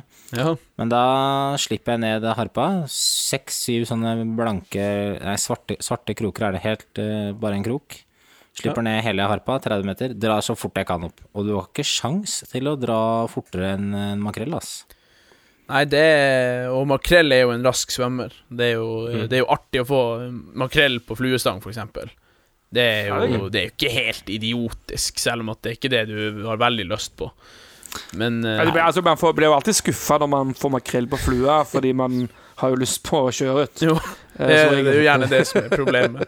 Jeg Men syns ikke det er så dere- forbanna gøy med, med horngjell heller, liksom, men det Nei, Nei, de, tør- de tør jeg ikke å ta i engang. nei, de er jo ikke farlig å ta i. Ja, de er nebb, eller sånn spyd. Ja, men- Men eh, tror dere, Bilal, fortsatt at uh, makrellen spiser menneskelik oppe i nord? For det har jeg hørt at uh, alle i nord tror, og det, det kan vi i sør avkrefte. Jeg har ikke engang hørt om at makrellen spiser menneskelik. Men, eh, men Ja, er- kanskje. Jeg vet ikke. Jeg tror ikke på det. Jeg, jeg har ikke hørt om det heller. Ikke heller. Tobias dere finner på ting. Kan, kanskje jeg hadde, kanskje jeg hadde drømt. Men, eh, men la oss gå over på torsken, da, Bilal. Største torsk. Ja, største torsk eh, Der har jeg Jeg satt ny pers her for uh, halvannen uke siden. Det var på 36,5 kilo. Det kunne alle se på VG, faktisk. Ja, VG-torsken, som vi kaller den. Ja, VG-torsken, vi 36,5 kaller kilo. Ja, det er bare- er gratulerer. Ja. Kakke? Kakka? Eh, den ble dessverre kakka, fordi eh, vi hadde lyst til å sette den ut igjen, eh, men den kom opp. Og når den kom opp, så jeg prøvde å eh, Å eh, Hva det heter Vi sier jo bare boble dem, men det, det, det komprimerer dem, basically, når, når de kommer opp, så de ikke skal få trøkksjuke. Så bare lar du dem Du stopper og sveiver på sånn 10-15 meters dyp, og da kommer det luftboble ut av gattåpninga gatteåpninga på den. Da er det rett og slett bare at uh, lufta slippes ut, så den kommer seg ned igjen. Men den bare, når den kom opp, så bare ga den opp. Den hadde ikke lyst til å leve. Ok. Ja, det er jo Men, eh, men eh, fikk du kaffe? Nei. Men Det er over kaffetorsk, for kaffetorsk var ikke det mellom Nei, det var mellom 30 og 40. Det. Jo, men det, ja, ja. det er bare Jeg tror det er bare en sånn Lofoten-greie. Hos oss så er det så jævla mye 30 pluss torsk at uh, de må hive kaffe etter folk hvis det Nå er det sånn oppi der eh, oppe på, Jeg regner med at det er et lite lokalsamfunn. Altså, folk bare ja, 'Gratulerer med torsken! Den, så jeg i avisa!' 'Ja, flott torsk! Jeg hørte hørt den ikke sant? Og så forteller de en historie ikke sant, om en enda større torsk. Og sånn Er det litt sånn misunnelse oppi der, eller? Nei, det er ikke så mye misunnelse. Sånn sett. Altså, det er jo en fin fisk er en fin fisk, som regel, men du har jo selvfølgelig alltid de, de karene som eh, er sånn her «Å, Jeg har noe større fisk enn det. Det er jo Det slår jo aldri feil. Det gjør du ikke. Men eh, Du, nå, f- nå kom jeg på en I stedet for kaffetorsken, nå kom jeg på en utrolig bra businessidé til familien din, Bilal. Okay, kjør. Eh, det du må ha, det er champagnetorsken. Oh, skal du komme og sable, da? Eh, altså, det, Da kommer, flyr opp Adrian. Han, han står på brygga, han. Står på Ja, kaia. altså, det som er det, champagnetorsken over 45 kilo, eller 40 kilo. Champagne, 40 kilo, tenker jeg, 40 kilo. Champagnetorsken. Det er som å få hole in one på golfbanen. Hvis man får hole in one på golfbanen, da må man spandere champagne på alle som er på klubbhuset den dagen. Dette er jo genialt for familien din. Dere må ha noen champagneflasker liggende. Sant? De, de som får champagnetorsken, de må jo kjøpe champagneflasker sjøl. Og spandere på Ja, alle. ja, Spandere på alle. Spandere på alle Vinn- i, i vinn-vinn. hus. Ja, ja, vinn-vinn. Og pluss at du kan selge på forhånd. Har du lyst på champagnetorskforsikring? For det, den, den, den koster mye mindre. Men alle har jo lyst til å kjøpe den. For du sier jo Får du fisk over 40 kilo, så er reglene sånn at da må du spandere champagne på, på alle som er, er på brygga, da, når du kommer inn. Men med forsikringa, så Men forsikringa, så slipper du å spandere. Jeg har alltid tenkt, Gamman, at du ikke er den salteste peanøtten i posen, men, men det er du faen meg, ass. Jeg skjønner, er, du, jeg skjønner at du er sjef, ass. for her er du god. Her er du virkelig god. Ja, det, det, den skal jeg ta med meg videre. Det, det hørtes ut som en, eh, som en fin eh, businessidé. Ja, det er jækla fin business. Det er win-win all the way. Huset vinner alltid. Helt genialt. Men apropos business nå, når det er eh, covid og bare mig, er det dårlig med gjester? da? Har hele havet for deg sjøl? Ja, det er dårlig stelt med gjester nå, eh, dessverre. Eh, skulle gjerne hatt eh, mange fine folk å dele, dele opplevelser med, men eh, akkurat nå så er det jævla magert. Ja, det, det er. Er, det, er det påsken? Er det eh, ofte folk oppe på i påsken? Altså, vi har, Utlendinger, eh, vi har eh, mer eller mindre 100% belegg mars, april og mai, fordi at mm, Ja. skreien er inne. Ja, eh, og det er, det er krig om plassene godt år i forveien. Fordi at det er så vanvittig bra. Men hvis jeg kommer opp eh, til deg nå og sier eh, Halla, Billa, nå skal vi ut på havet. Det Kan du garantere meg torsk over 20 Det kan du jo ikke da, men er det liksom Får du Er det, er det sånn nesten bankers å få stor torsk og kveite på samme tur, liksom? Og stor torsk og kveite på samme tur, det er ikke bankers. Eh, det hender, men det er ikke bankers. Eh, på på, samme tur kanskje? til nord, så kan jeg love deg at vi kan eh, Vi kan legge inn eh, Så lenge været er med, så kan man eh, Hvis du har fire dager, så kan jeg nesten garantere det. ei kveite som jeg regner som, som troféstørrelse, som er rundt 30 kilo, og så en torsk på rundt 20 i mars. Hvis man kommer i mars og bestiller guide i fire dager, så, så skal du ha noe i den duren. Minst. Det er deilig. Det, det, det er veldig deilig, faktisk. Det er ikke, det er ikke Og det, det er også, det må man jo bare si, men det vet alle, sikkert alle som hører på den poden her, vet at eh, når det kommer til fisk, så er det ingen garantier. Nei, det er Nei, ikke det det. er helt Har sant. den det er sant. lyst til å bite eller ikke, det, det, Men, det er ikke opp til oss, dessverre. du, du blank, blanker ikke midt i skreisesongen hvis du fisker etter skrei? Nei. Det er ikke teknisk gjennomførbart. Det, da, da må du være jævla dårlig å fiske. Hvis du klarer å blanke på skrei, da har du, da har du misforstått noen prinsipper. Kroken skal være i vannet, ikke i lufta, liksom. Det er gjerne det. Lasse og Tobias, jeg merker det at uh, hver gang vi har en gjest som ikke driver med fluefiske så mye, så får jeg jævlig lyst til å holde på med det den gjesten holder på med. Ja, ja, ja, bortsett fra når vi hadde han Henriksen som eh, meita til karpe. Ja, du, var, du var litt keen Ja, når Henriksen var der. Jeg husker det. Det var sånn Å, skal jeg sjekke ut noe meitevann og, og kose meg og kjøre på? Karpevann? Karpevann, mener du? Ja, Karpevann. Nei, men eh, jeg er helt enig. Men vi, sier, vi har jo så mye eh, Det er jo veldig interessant, for vi kan jo ingenting. Så vi har mye spørsmål, prater jo i munnen på hverandre hele tida. Men det er jo eh, Det er svær fisk, ikke sant, og det er ute på havet, og det er, det er liksom litt eh, Det er ikke så femi opplegg som det vi holder på med. Men altså, Men du, må ikke, du må liksom- ikke kalle fluefiske for femi. For det Jeg syns jo Jeg sitter jo på motsatt side av spekteret, sant? Der det er sånn øh, Delje ned en svær jævla jigg og knalle en dum torsk i hodet, liksom, og den sluker faen en eh, rosa dildo like godt som en uh, Som en cupbait, liksom. Den gir seg totalt helvete i om det I hva det er. Den må bare ha det presentert i trynet. Det er jo samme som å si at liksom Altså, det, det Den motsatte greia er jo å stå og, og knø med jævla et eller annet uh, myggfnatt i helvete, øst-vest, et eller annet uh, oklo-poklo på latin i størrelse 22 som du så vidt klarer å luske uti der. Og så vil ikke den jævla ørreten på 500 gram ta den heller, etter 18. fluebytte. Jeg syns jo det er noe fascinerende med å, å virkelig måtte jobbe for en fisk sånn. Og targete Ja, én fisk istedenfor hvordan som helst, liksom. Det er mye mer Ja. visuelt. Ja, det er litt fascinerende om man gidder å gjøre det for så, så små fisk. Men, men eh, apropos, er det liksom eh, På altså Sørøya er ikke Det er vel flere muligheter der enn kun fisk på havet? Jo da, vi har veldig mye bra eh, ferskvann også. Mm. Eh, er det elve, elvestubber og sånn, eller? Det, det er det lite av. Det er Ja. veldig lite elv. Veldig, veldig lite elv. Dessverre. Jeg skulle gjerne hatt eh, elv å fiske i. Jeg ble litt sånn her eh, Jeg fikk være med på laksefiske for første gang i fjor, og det var, Ja. det var dumt. Nok en gang. Det skulle jeg heller ikke ha funnet på. Fordi det var jo Da var jo det løpet kjørt, så nå er jo liksom Driver og leter etter muligheter til å komme seg i Alta eller reise anytime. Så Eh, Bilal, jeg, eh, jeg har fått eh, plass i Altaelva i år. Har du det? Yes. Jeg har jo eh, familien min Eller litt av familien bor, bo- bor i Alta. Så jeg, jeg kom opp på, som gjestefisker. Kult. Vi Ja, fikk ble- eh, Av alle jævla ting så fikk faktisk fattern også et døgn i år. Han, han har aldri tatt i fluestang engang, så det blir jævla interessant. Det var bare å melde på den som meldes kan. Så, Ja. så vi har fått sånn utenbysdøgn.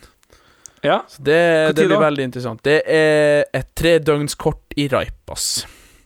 Raipas, ja. Så eh, Hva, hva da, har dere valgt dato ennå? Ja. det er vel 1. til 3. august. Ok. Så det er jo ikke akkurat det beste døgnet man kan få, men uh, eh, Nei, I fjor så fikk jeg en eh, på Jeg fikk en laks på 9,2 i eh, Ja, hva det var 9. august i fjor. Ja, Så det går an å få de store da òg. Ja da. Herlig. Uten tvil. Det er bra laks, det. Nei, men øhm, Skulle vi rett og slett gått litt videre, eller, øh, gutter? Ja, ja, ja. Vi har jo en haug med lyttespørsmål øh, i dag også. Vi annonserte jo øh, med en øh, liten øh, premie i bånn der øh, av øh, form av T-skjorte. Det må du meg- minne meg på, Bilal, at jeg må sende opp til deg også. Ja, kult. Eh, Og så må, må vi huske å, å premiere beste lytterspørsmål på slutt. Ja. Det var det jeg skulle til å si. Da tar Nei, men Da kjører vi lyttespørsmål, da, gutter. Yes. Lyttespørsmål. I pisk og preik. Litt spørsmål. Oh, yeah. I pisk og preik. Ja, det er litt spørsmål. I fisk og preik. Ja da, det er litt. Oh, I fisk og preik. Litt i fisk og preik. Yes. Der var det groove, altså. Er det noe du kunne viba på, eller? Ai, ja, ja. Der. Nå begynner vi å, nå begynner vi å treffe Nå begynner vi å treffe det spots her. Neste år, vet du, Bilal, når alle, alle de eh, klientene er tilbake eh, på båten din, så får du ha den her episoden gående på repeat. Det blir knall. kan, kan jeg komme med et lyttespørsmål? Kjør.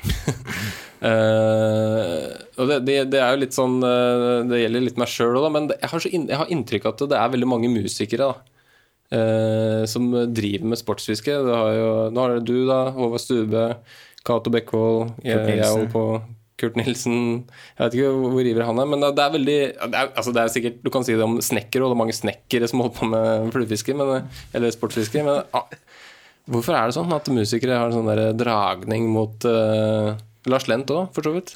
Mot uh, fiske. Har du noe svar? Jeg har ingen svar.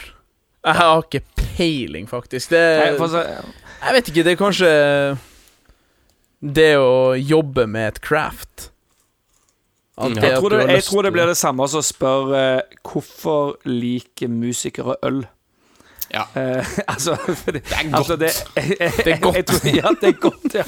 Jeg vil Liksom, ha liksom, eh, Lasse, for å sette, sånn- det, eh, sette det litt i perspektiv her, så er det Det er mange musikere som liker, flu, eh, som liker fiske.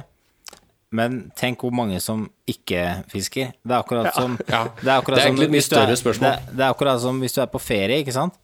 Og så møter du en som du kjenner på ferie. Så tenker du 'Å, fy faen, så sjukt at vi møttes her'. Nede i Italia, ikke sant. Du er på en restaurant i Roma, og så møter du og så, Men så er det du har, jo, du har jo ganske mange venner, du, da, altså, Så er sjansen for å møte én av de du kjenner der nede, er ikke så liten. Og, men tenk på alle gangene du ikke møter noen du, noen du kjenner. Jeg er litt Og med på det der òg, da. Altså Ja, nei, det, det er klart det er tilfeldigheter. Altså, det er, du kan jo dra statistikk på alt mulig, men eh, det er, og det er ikke sikkert det er flertallet flertall av musikere som eh, driver med Det som er i hvert fall sikkert, er at det er sjukt å tenke på. Ja, det er sjukt å tenke på. I, Men- i popbransjen, i hvert fall. De her ja. sessionene eh, jeg har vært i, det er ikke mange av dem som hadde fått en eh, raging boner hvis jeg hadde sagt eh, tre kilos på tørt.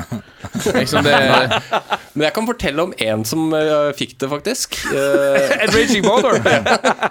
OK, uh, det, det, det var deg, da. Ja, ja, det er greit. Nei, men, ja, jeg, det har, jeg har vært i session i det siste Det blir litt sånn eh, bransjeprat, men i det siste halvåret så har jeg vært i, på session med Bilal og en annen, og den er ganske fjern. Han Simen fra Broiler. Altså de, de DJ-gutta. Han er superivrig eh, fisker og jeger. Eh, så den session gikk jo bare i, i fiskeprat. Det er så mye New Zealand og colabilder av den sessionen der. Det er en av de Ja, beste den- sessionene jeg har hatt. Helt uten tvil. Det ble bra låt òg, vet du. Ja, det ble kult. Eh, nei, okay. Nei, jeg ville bare si noe Jeg ville bare si noe til lytterne der ute. At vi, nok en gang, veldig bra bidrag. Masse fine lytterspørsmål. Og vi skal trekke Vi må huske det, trekke en eh, to stykker av vekk T-skjorter. Eh, Så de kontakter vi. og så må dere fortsette å sende inn spørsmål, vitser, historier eller Nakenbilder. annet. Nakenbilder, kanskje? Ja, bare for kvinner, i så fall. Ja. Ja, gjerne send inn nakenbilder hvis du er kvinne. det, er ikke, det er ikke greit å oppfordre til sånn, faktisk. Vi, kan, vi trekker det tilbake. Vi trekker det tilbake. Ja, veldig bra co-programlederjobb der, eh, Tobias. Eh, har du lyst til å ta det videre med å ta et lyttspørsmål, eller? Ja, så nå skal Nå tar vi ta første Vi har fått inn eh, det er, Alle er til deg, da, Bilal. Så nå skal Gamman få ta første lyttspørsmål. Nei, du, bare det, det, Du, det er det sykeste Det er den det sykeste co-hostingen jeg har sett noen gang. Eh, Du får beskjed fra programleder om å ta et lytterspørsmål, og så bare, så bare sender du det videre til meg. Nei, er, det fordi at det er for, er det for langt lytterspørsmål? Det er så sjukt langt, det. Ja, jeg og jeg har ikke vært på høytlesningskurs på lenge, men det har du, for du kom jo akkurat hjem fra sånn kurs. ok, jeg kan ta deg. Det er eh, fra Sondre. Uh, Hei, herlig podkast, boys. Spørsmål til Bilal. Hva slags heil bør man anskaffe seg om man skal ta turen til Sørøya? Hørt rykter om gammel hall, men med de fangstene gutta der oppe har, må det være noe ekstra krydder på den siden. Ja, altså eh, Hall, der har man jo mye. Der er det mye å gå i. Det er mye å velge i. Du har fremmedhall. Du har hannhall. Du har brosmehall. Oi. Oi, Munnhall. Fordi Brosmen har ikke tenner, eller hva? Nei, brosmehall, det Da er det litt eh, man on man action. Og da får du så, så den som får mest brosme i en båt, det er liksom Å ja. OK. Den er god. Så eh, Men altså, det er jo ikke noe galt, det. Det er sikkert fint med, med både Ja, brosma og man on man. Du får kanskje ikke racing boner av det? Nei, det Nei. Ikke at det er noe gærent med det. Altså. Nei da, det er bare nei. velstand. Tobias får det hele veien. Eh, neste. Men eh, ja, altså Hvilken hall som er bra? Det er jo uh, ferskt hall. Mm. Det må, være, det må være ferskt, men det må ikke være for ferskt. Du må liksom eh, komme deg litt ut av rusen før du kommer Ja, deg på havet. Du må være konsentrert, men du kan ikke ha noe i baktankene. Det er der det ligger. Ja, så du må ha glemt det. Du må, det må være en par timer siden sist. Ja. så sånn forstår det. real, time hall, det er ikke bra. Nei, for, altså eh, Men det er multitasking. Ta så, ta så liksom Sett deg i en situasjon her. Du er, du er midt i en elskovsstund. Eh, du, står med, du står med fluestanga, eh, har drefsa ut nymfa, så skal du prøve å ta et tilslag der. Ja, Jo, men jeg tror, altså, Hvis vi skal gå inn på de detaljene, da som jeg gjerne vil gjøre, så tror jeg hvis fra båt, da, så kunne det ha funka hvis, var- hvis det var doggy, sant? Og så står du bare og pilker, og i, du tar det bare i jukka, ikke sant? Det blir jo jævla kjedelig for hun der frøkna da hvis du skal ta eh, ett pilk per jokk. ja. Du må Men hvis du gjerne får være fisk, litt så blir mer du, følsom. hvis du Nei, får fisk, men, så blir du jævlig gang. Da bare nei, men det er da du må heller bruke speedying-taktikken. Ja, sant, sant, sant, sant, sant, sant, sant. Da, Der, ja. Nå begynner vi å komme inn Nå begynner vi å med snakke. Nå begynner vi å snakke revolusjonerende ideer her. Dette, Bilal, det har du bare å prøve ut. Så Ja. får vi få rapport. Det er greit. Eh, Sondre hadde et spørsmål til, eh, og kanskje litt mer seriøst spørsmål. Har du forsøkt noen gang eh, med spinnfiske etter kveite? Ja. Spinnfiske etter kveite er min eh, favoritt etter kveite, faktisk. Eh, da bruker vi kaststenger, åpenbart. Eh, Ja. Haspel, eh, størrelse Ja, hvis vi snakker Stella, så er det sånn Stella 6000 saltwater typ. Eh, de nye divene er vel ca. Samme, samme klasse, men den gamle divaen var rundt 4000. Eh, og så bruker man ei kastestang som ikke har for eh, rask aksjon. Det må være litt, eh, litt myk i tuppen, så du kjenner padlingen på halen. Og så må du kunne kaste opp til sånn ca. 150 gram. Da Da begynner du å få det gøy. Da begynner vi å snakke skikkelig. Da kaster man bare ut eh, tobis-imitasjoner. Ja, ok, Er det sånn shads man bruker sånn da, eller? Ja. Jeg fisker nesten bare med jigg og agn. Pilk det er noe gammel mannskitt som vi ikke har hørt om. Så det er Jigg og agn, det er det som er det shit. Og eh, Mm. da er det gjerne de her eh, Savage Gear Sandil som eh, det prates mye om i det her miljøet. Eh, og så har jo Berkeley kommet med noen helt fantastisk rå eh, nye shads som er sånn powerbait. Altså det er luktstoff i det.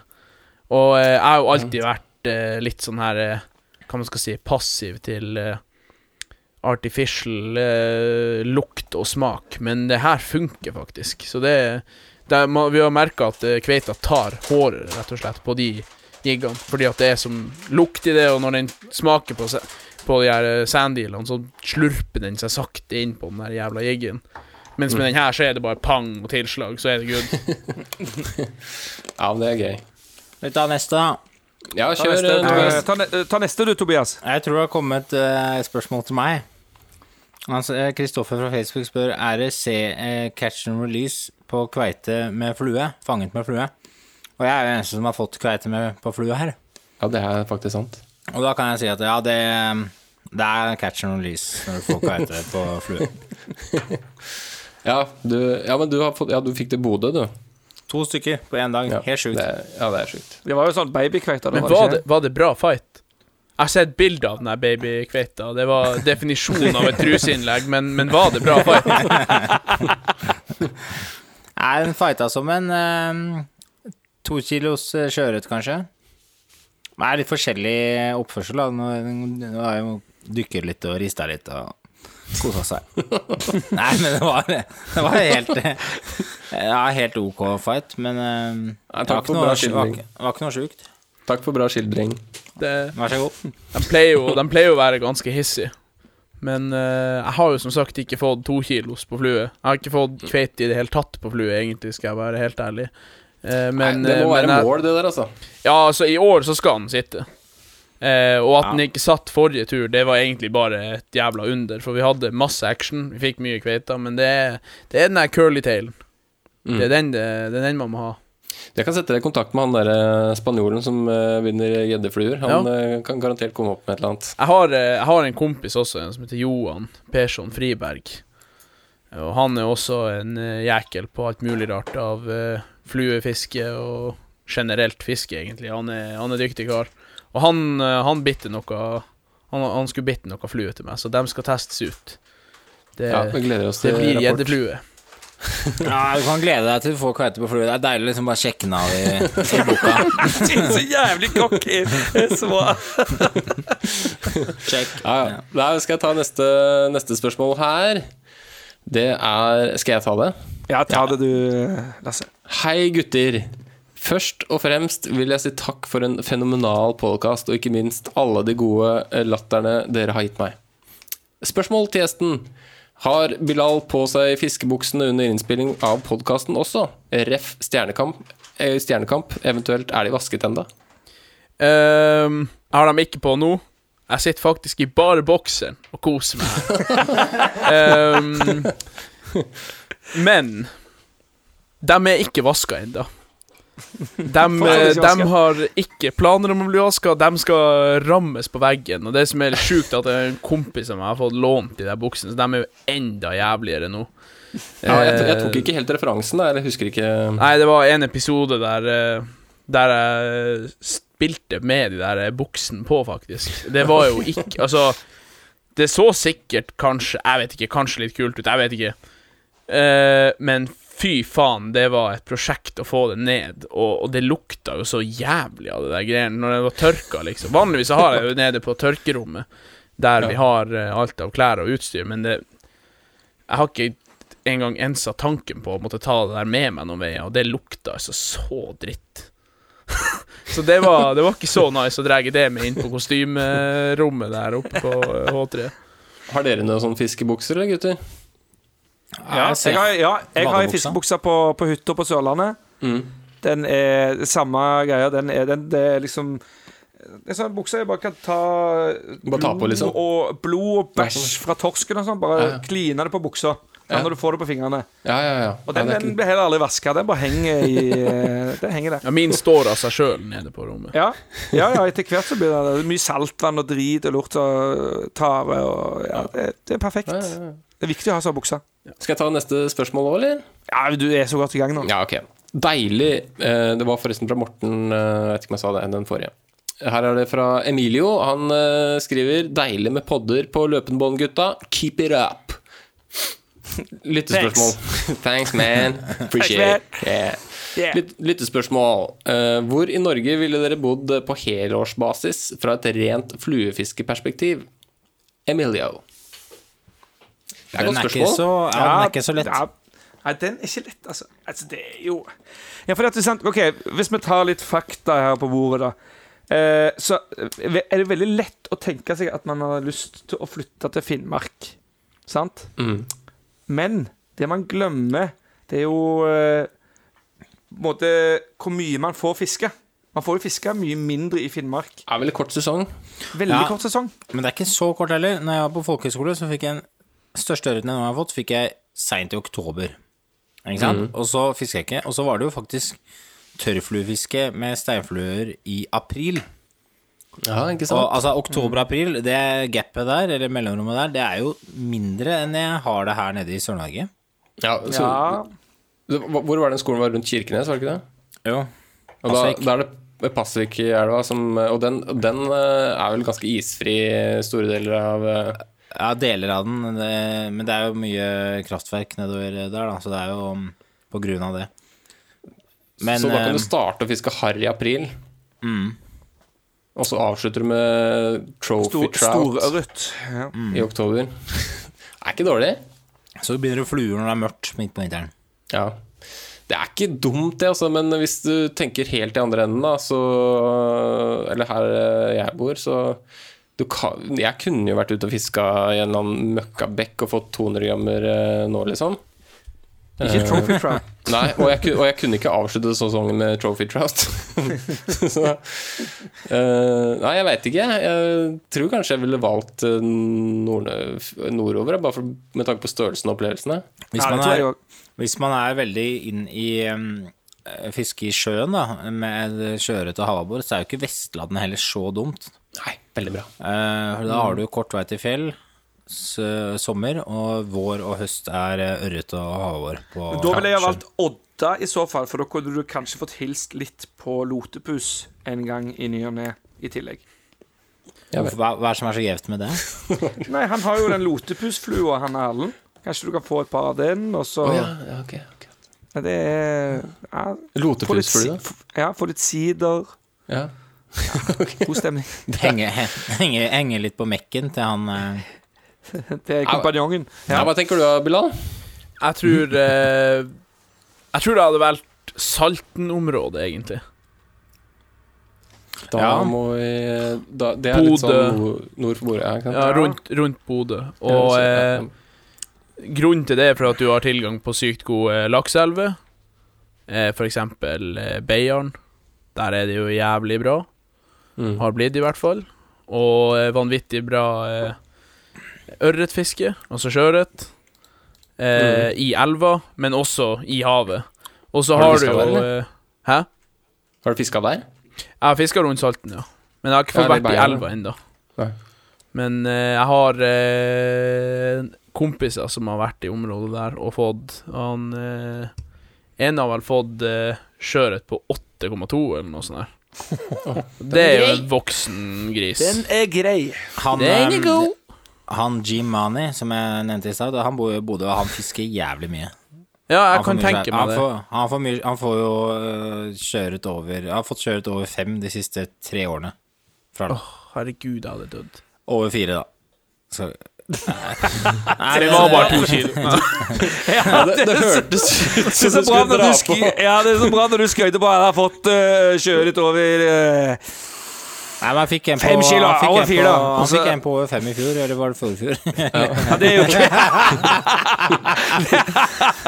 Men, Det er verdt det. Nei, det er men jeg har vært, eh, jeg har vært oppe hos han Pleid Jeg pleide å ta en vårtur Pleid? Pleid? Jeg har vært der én gang. Nei, jeg har, vært, jeg har vært her to ganger. Og det som er sjukt der Det som er Men hør nå, det her er helt sjukt. Han tok meg med til noen tidevannsstrømmer, og der steller det seg seig opp, ikke sant? Sånn tokilos, to kilos, tre kilos sei.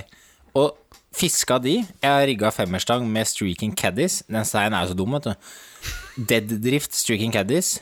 på sei som står i strøm. Det er akkurat som å fiske ørret på cola. Det er jo Ikke sant? akkurat det samme. Nesten det samme, bare arten er forskjellig. Og så kommer seien. Voff. Jeg merker, jeg merker at eh, kredibiliteten din har sunket betraktelig, Tobias. Eh, det Det var noe med den der øla. Ja, sei på tørrflue, det er i, strø, i, i strøm. Helt sjukt. Men du blir drittlei, for det er ikke så gøy å få den seien. Men det er bare det er så sjukt at det går an, at det, at det skjer, da. Ja, jeg er da- helt enig. Du, du gjør ikke tilslag etter hvert, er for det taket er ganske kult. Du, skal vi ha en egen spalte med Tobias skrytespalte? Har en kompis som eh, har en eh, Giovanni! Giovanni. Han Det er fikk en eh, fisk er av i hvert fall fem kilo. Det er ikke så mye skryte av sånn to kilos så sei, da. Men at de steller seg opp i strømmen og tar tørrfluer, det, er- det syns jeg er sykt. Ja, det er kult. Ja, det er ganske kult. Jeg hadde tatt eh, to kilo sei på, på, tørt. Det hadde jeg Det hadde jeg villet tatt. Ja, jeg gjorde det, jeg òg, tre-fire ganger, og så, men det, det ble rett og slett jeg Det ble for lett. Det gikk fra to til fire ganger. Kom vi tilbake til den skrytespalten.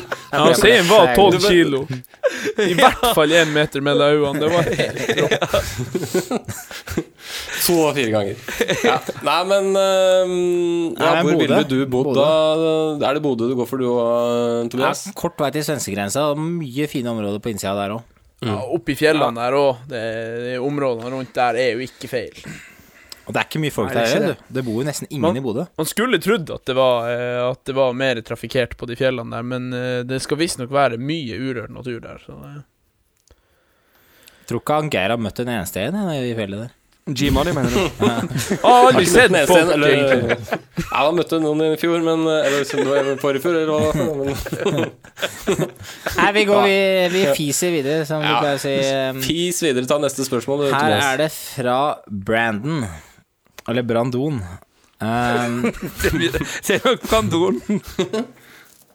takk Ja, for dritsvær podkast.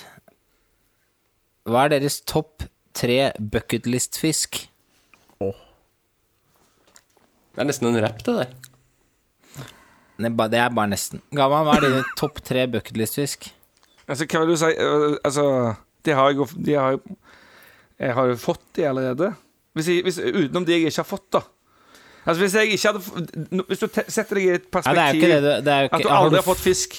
Hvis du aldri har fått fisk før, da, hva ville du hatt som dine tre topp bucketlist-fisk? Da ville jeg ha sagt laks, ørret og som, Når jeg snakker som en fluefisker Laks, ørret og røye. Ah, Og du har fått alle de, så du har fulgt bucketlisten din? Ja. Jo, men okay. snakker vi nå bucketlist som i Ja, OK, jeg fått en laks, og så er det good, liksom.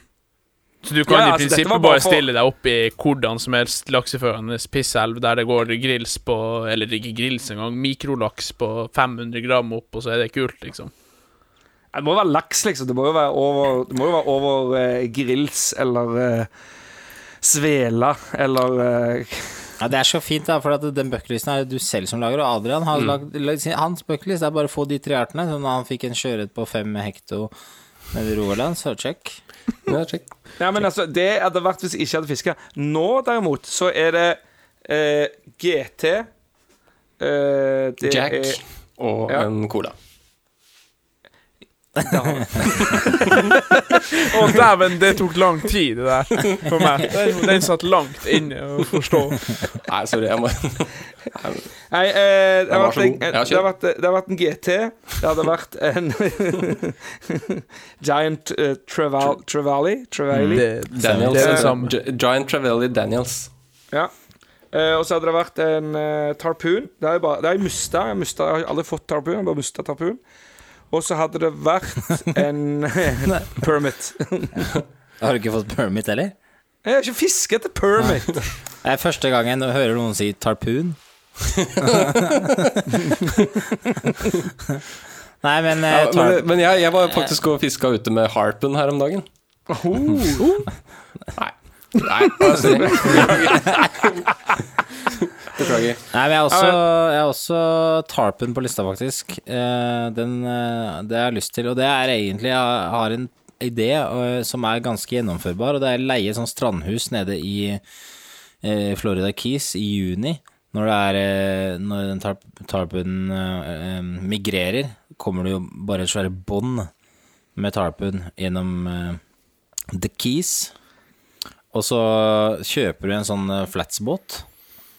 Så du må leie sånn strandhus med dokking. Det er ikke så dyrt, skjønner du. Kjøper du en flatsbåt, 30-40 lapper, som du, og så drar du ned dit, er der en måned, har guide i starten, får vite om plassene, så har du din egen båt, drar ut, fisker, mater på en måned, selger båten, drar hjem, og masse Så har du fylt den bucketlisten. da. Ja, det er ikke Ja, men det var, plan. var det bare Tarpoon du hadde? Uh, nei ehm, Jo, det er bare det, faktisk. Jeg har fått Ikke GT. Jeg har fått de andre, Jo, jo GT, GT har jeg også lyst til å få. Ja, GT er veldig, ja, veldig tropisk uh, på min side. Jeg tror, jeg, tror kanskje Vet du hva, jeg, når jeg faktisk tenker Kingfish også. Kingfish har jeg lyst til å få. Åh, det er deilig fisk. Kingfish, jeg. ja, nei uh, Bilal, har du, noe, mm, har du noen uh, på topp tre, eller? Uh, jeg har fått GT, men jeg har lyst til å få GT på flue. Eller Ja, ikke sant? Altså enten en, en, en, en stor GT på flue, eh, type Ja, stor GT på flue, det er jo et eh, Det er et relativt spørsmål, men jeg vil definere en stor GT på flue som over 15 kilo. Jeg har fått eh, GT på 15 kilo, og det er jo ikke spesielt mye å skryte over det, egentlig. Men det er faen meg nok. Det røkker godt fra seg, altså. Så Ja, en, eh, hvordan, hvordan, hvordan er det i forhold til kveite, for eksempel? Nei, det er noe helt annet. Eh, Ei kveite er liksom mer seig. Du kan holde på med ei kveite mye lenger. Mens en GT er bare Det sier bare pang, og så voldtar han der, liksom. Det er helt merkelig. eh, ja, det er bare røsk i stanga, og så tror du at ja, det her må jo være Det her må jo være 20-25 kilos fisk, minst. Og så kommer det inn en sånn liten rotte på 5-6 kilo, liksom. Og du skjønner ikke hvordan det går an at det er så mye kraft i en sånn fisk. Nei, de er helt sjukt raske. Ja, de er jævlig raske, men så de er bare så vanvittig gode å, øh, å bruke strømmen og bruke, bruke muskler. Mm. Det, det, er rart, rett og slett. Jeg vil anbefale dere og alle lytterne å gå inn på YouTube og så google, søke noe sånn som Giant Trevally Attack eh, Sardines Shallow Water eller noe sånt. Søk på Fish Eating ser- Bird. Ja, det kan du se. Folk fisker jo GT med Flip-flop? Ja, flip-flop-invitasjoner og sånn. Det er jo helt sjukt. Men når du ser at de Når du ser eh, Når du ser at den GT-en jakter inne på grunna, når de allierer seg er mange og jakter stimer med småfisk det, Den farten de har da, det er, det er, det er helt sjukt. Er det ikke en film som heter 'Gangster of the Flats'? Eller noe Ja, det er Reef Gangsters kaller de jo GT for. Ja. Og det, altså det, det er så forståelig. Men når man, spiser når bonefish ser til frokost. hvert Ja, men det, det, er helt, det er helt sjukt å se når de kommer og tar. Eh, jeg hadde noen, eh, noen takes når vi var i Papua den turen, som jeg prata om helt på begynnelsen, og det var sånn her man, Jeg skjønte ikke hvordan det var mulig, for du står der, og så blinker du en gang, og plutselig så er det bare sånn her eh, hvitt shitfuck rundt eh, popperen din, og eh, den har allerede tatt ti meter, liksom. Det, det går så jævlig fort at man skulle ikke trodd det. Og eh, å se dem inne på grunner som jakter, som, eh, som du sa, det er noe helt eget. Vi kom til et sånn her lite sund den ene dagen mellom to korallrev. Da lå det liksom bare deler av fugler strødd rundt omkring. Det er det sykeste jeg har sett. Det lå liksom Plutselig lå det bare en vinge der. liksom. Den var bare fløgg opp og sprengt i der stakkars måsen. Den var helt syk. Ja, det er eh, Ja, det er sjuke greier. Men bortsett fra det, så er det, er det noen flere arter. Kjapt. Ja, GT på uh, GT på flue, og så uh, Permit henger jeg meg på. Det hadde vært jævlig gøy. Uh, og ellers så Stor dogtooth-tuna, det hadde vært rått. Dogtooth tuna. Den, eh, den må folk også søke på. Dogtooth-tuna Ja, spinning. Da, da Nå er det masse bra anbefalinger her. Nå kan folk Ja, det, dykke ja, inn i er YouTube. bare å kjøre på. Jeg kan, eh, jeg har ikke tatt Jeg kan si bare Tarpen, uh, Permit og Røye på tørt har jeg ikke fått ennå, så vi kjører på med. Ja, det kan vi kanskje få til i sommer. da Nei, men skal vi eh, Skal vi ta, skal vi ta en spalte til, gutter? Ja, vi må det. Vi kjører på siste. Vi er litt på overtid, men vi må Vi rekker det. Vi er litt på overtid. eh, Da kjører vi rett og slett en Og den her eh, Den her er ganske god, den ingeren her, om får si det sjøl.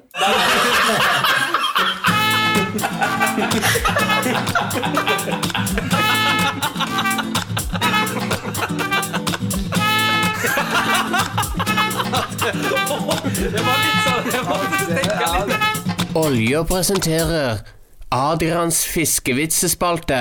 Ja, kunne viba til den der, eller? Ja, det vibes. Og litt mye fliring, men det, det vibes. Ja. Dette her, eh, denne spalten her, er eh, den kleineste spalten vi har, for det forventes at uh, vi, Gamman ler jo av det meste, så det er jo bra. Gamman ler alltid. Det er, synes det derfor, er det, er, det er derfor det er Adrians spalte. Men jeg har veldig lyst til å kanskje ta første vits, så jeg blir ferdig med det, for jeg kvier meg. Nei, Tobias, du får ta den der lange vitsen som jeg legger Nei, jeg har, jeg har egen vits. Ja, ja, ta egen vits, da. Okay. Kjør på. Ok. Brudeparet var på vei til bryllupsfesten i hest og kjerre. Omsider krysset de en liten elv der det sto to menn og fisket. Brudgommen undret om det var noe fisk her, og ropte til dem. Får dere noe fisk? Ja, svarte den ene fiskeren. Er det noe størrelse på dem? ropte brudgommen interessert. De er like store som pikken din, svarte fiskeren. Kort tid etter snudde brudgommen seg til bruden og sa Ja, faen ikke småfisk de fikk.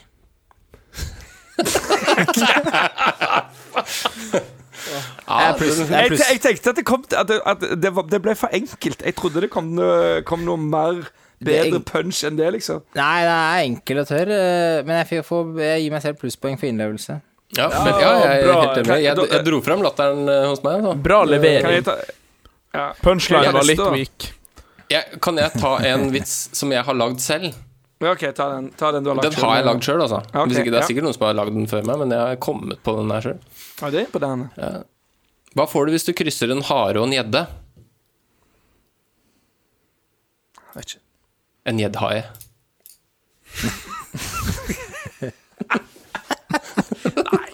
Nei! Det er Ja, jeg syns det var fint. Ja, det, det, den Ja. Ja, Det er jo Looney Tunes-referanse der. Jeg har Ja, det OK, da, da smeller jeg inn siste vits her. Ja, siste vits? Ja, Hvis ikke Bilal har noe på Nei, lager. vet du hva, jeg Vi har vært så vidt innom det. Hvis jeg fyrer i gang noen vitser her nå, så, så ja, da Da blir må det ta off- politisk off record. ukorrekt. Ja, men det her er din spalte, Adrian, så du må i hvert fall ta to vitser. Ja, men det Ja, ja. Nå men- er vi sige. Gir deg og gir Ja, deg. Ta ja, så kom blås igjen, opp. Jeg lover Blå- å le. Blås opp brystkassa litt nå, så gjør deg litt sånn kry. OK, skal jeg prøve å leve litt inn i vitsen òg, da? Ja, gjør det. En mann går inn på et gatekjøkken med en ørret under armen. Han spør dama bak disken. Selger dere fiskekaker? Ja, sva ja, svarer gatekjøkkendama. Det er gøy allerede.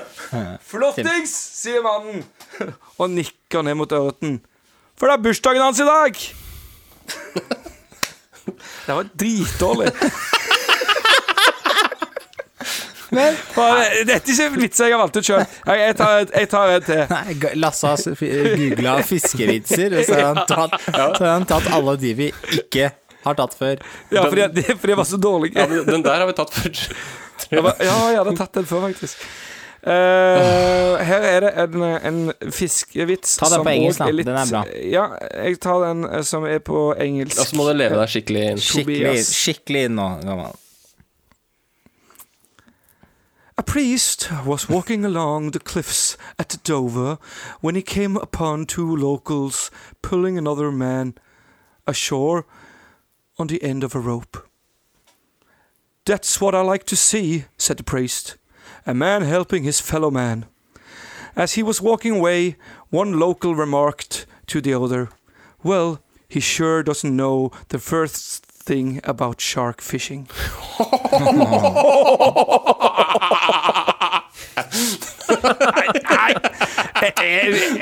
Nei! Jeg, jeg bare tulla. Nei, den var helt grei. Det Det var, var eh, greit. Det var greit. jeg skal ta og velge ut vitsene mine sjøl neste gang. ja, Men, uh, sånn er det. Når sånn jeg det. må finne fram Dere ikke har tid til å finne fram en eneste vits, da blir det Nei. Men uh, altså, det er en grunn til at vi ikke har hatt den her uh, spalta på en stund. Og det er eh, Det er lite å ta av, altså. Ja, hvis, altså, jeg, bare, jeg, kan jo, altså, jeg henvender meg til lytterne nå. Den lytteren som kommer opp med en fiskevits som vi ikke har hatt før i podkasten, mm. og som er jævlig bra. Selvkomponert, helst. selvko- selvko- selvkomponert Ja, egen han, skal få, han skal få to To T-skjorter. og Ja. en bøsserøven. Ja, men, da, men da skal det være bra, Da skal Ja, da skal det være jævlig bra. Da må jo jeg faen finne fram en fiskevitsen dere ikke har hørt. Ok. Ja, ikke nå. Jeg kan ikke gjøre det nå, for jeg, jeg har ikke en fiskevits dere ikke har hørt. Garantert. Jeg har ikke en okay, eneste jævla fiskevits.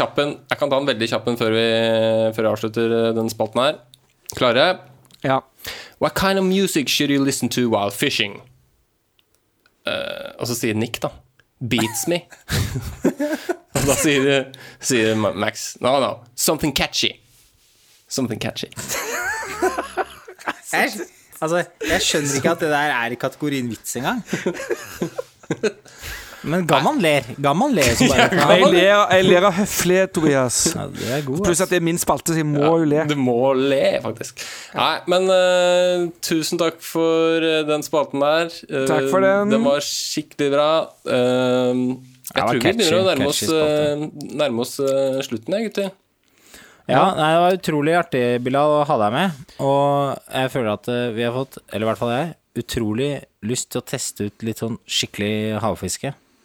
Ikke bare sitte midt på sommeren og slenge en sånn liten pilk etter noe torsk, men Litt sånn kvalmende havfiske. komme seg litt ut på havet. Det er fine dager i nord òg, er det ikke det? Ja, Nå høres det ut som at uh, Nå hørtes det ut som at uh, ut ifra den pratinga vi har hatt, at det faen bare er spying og 30 meter dønning og greier, men det, Nei, men dag, det det, finnes, det finnes fine dager òg, og det er jo Ja.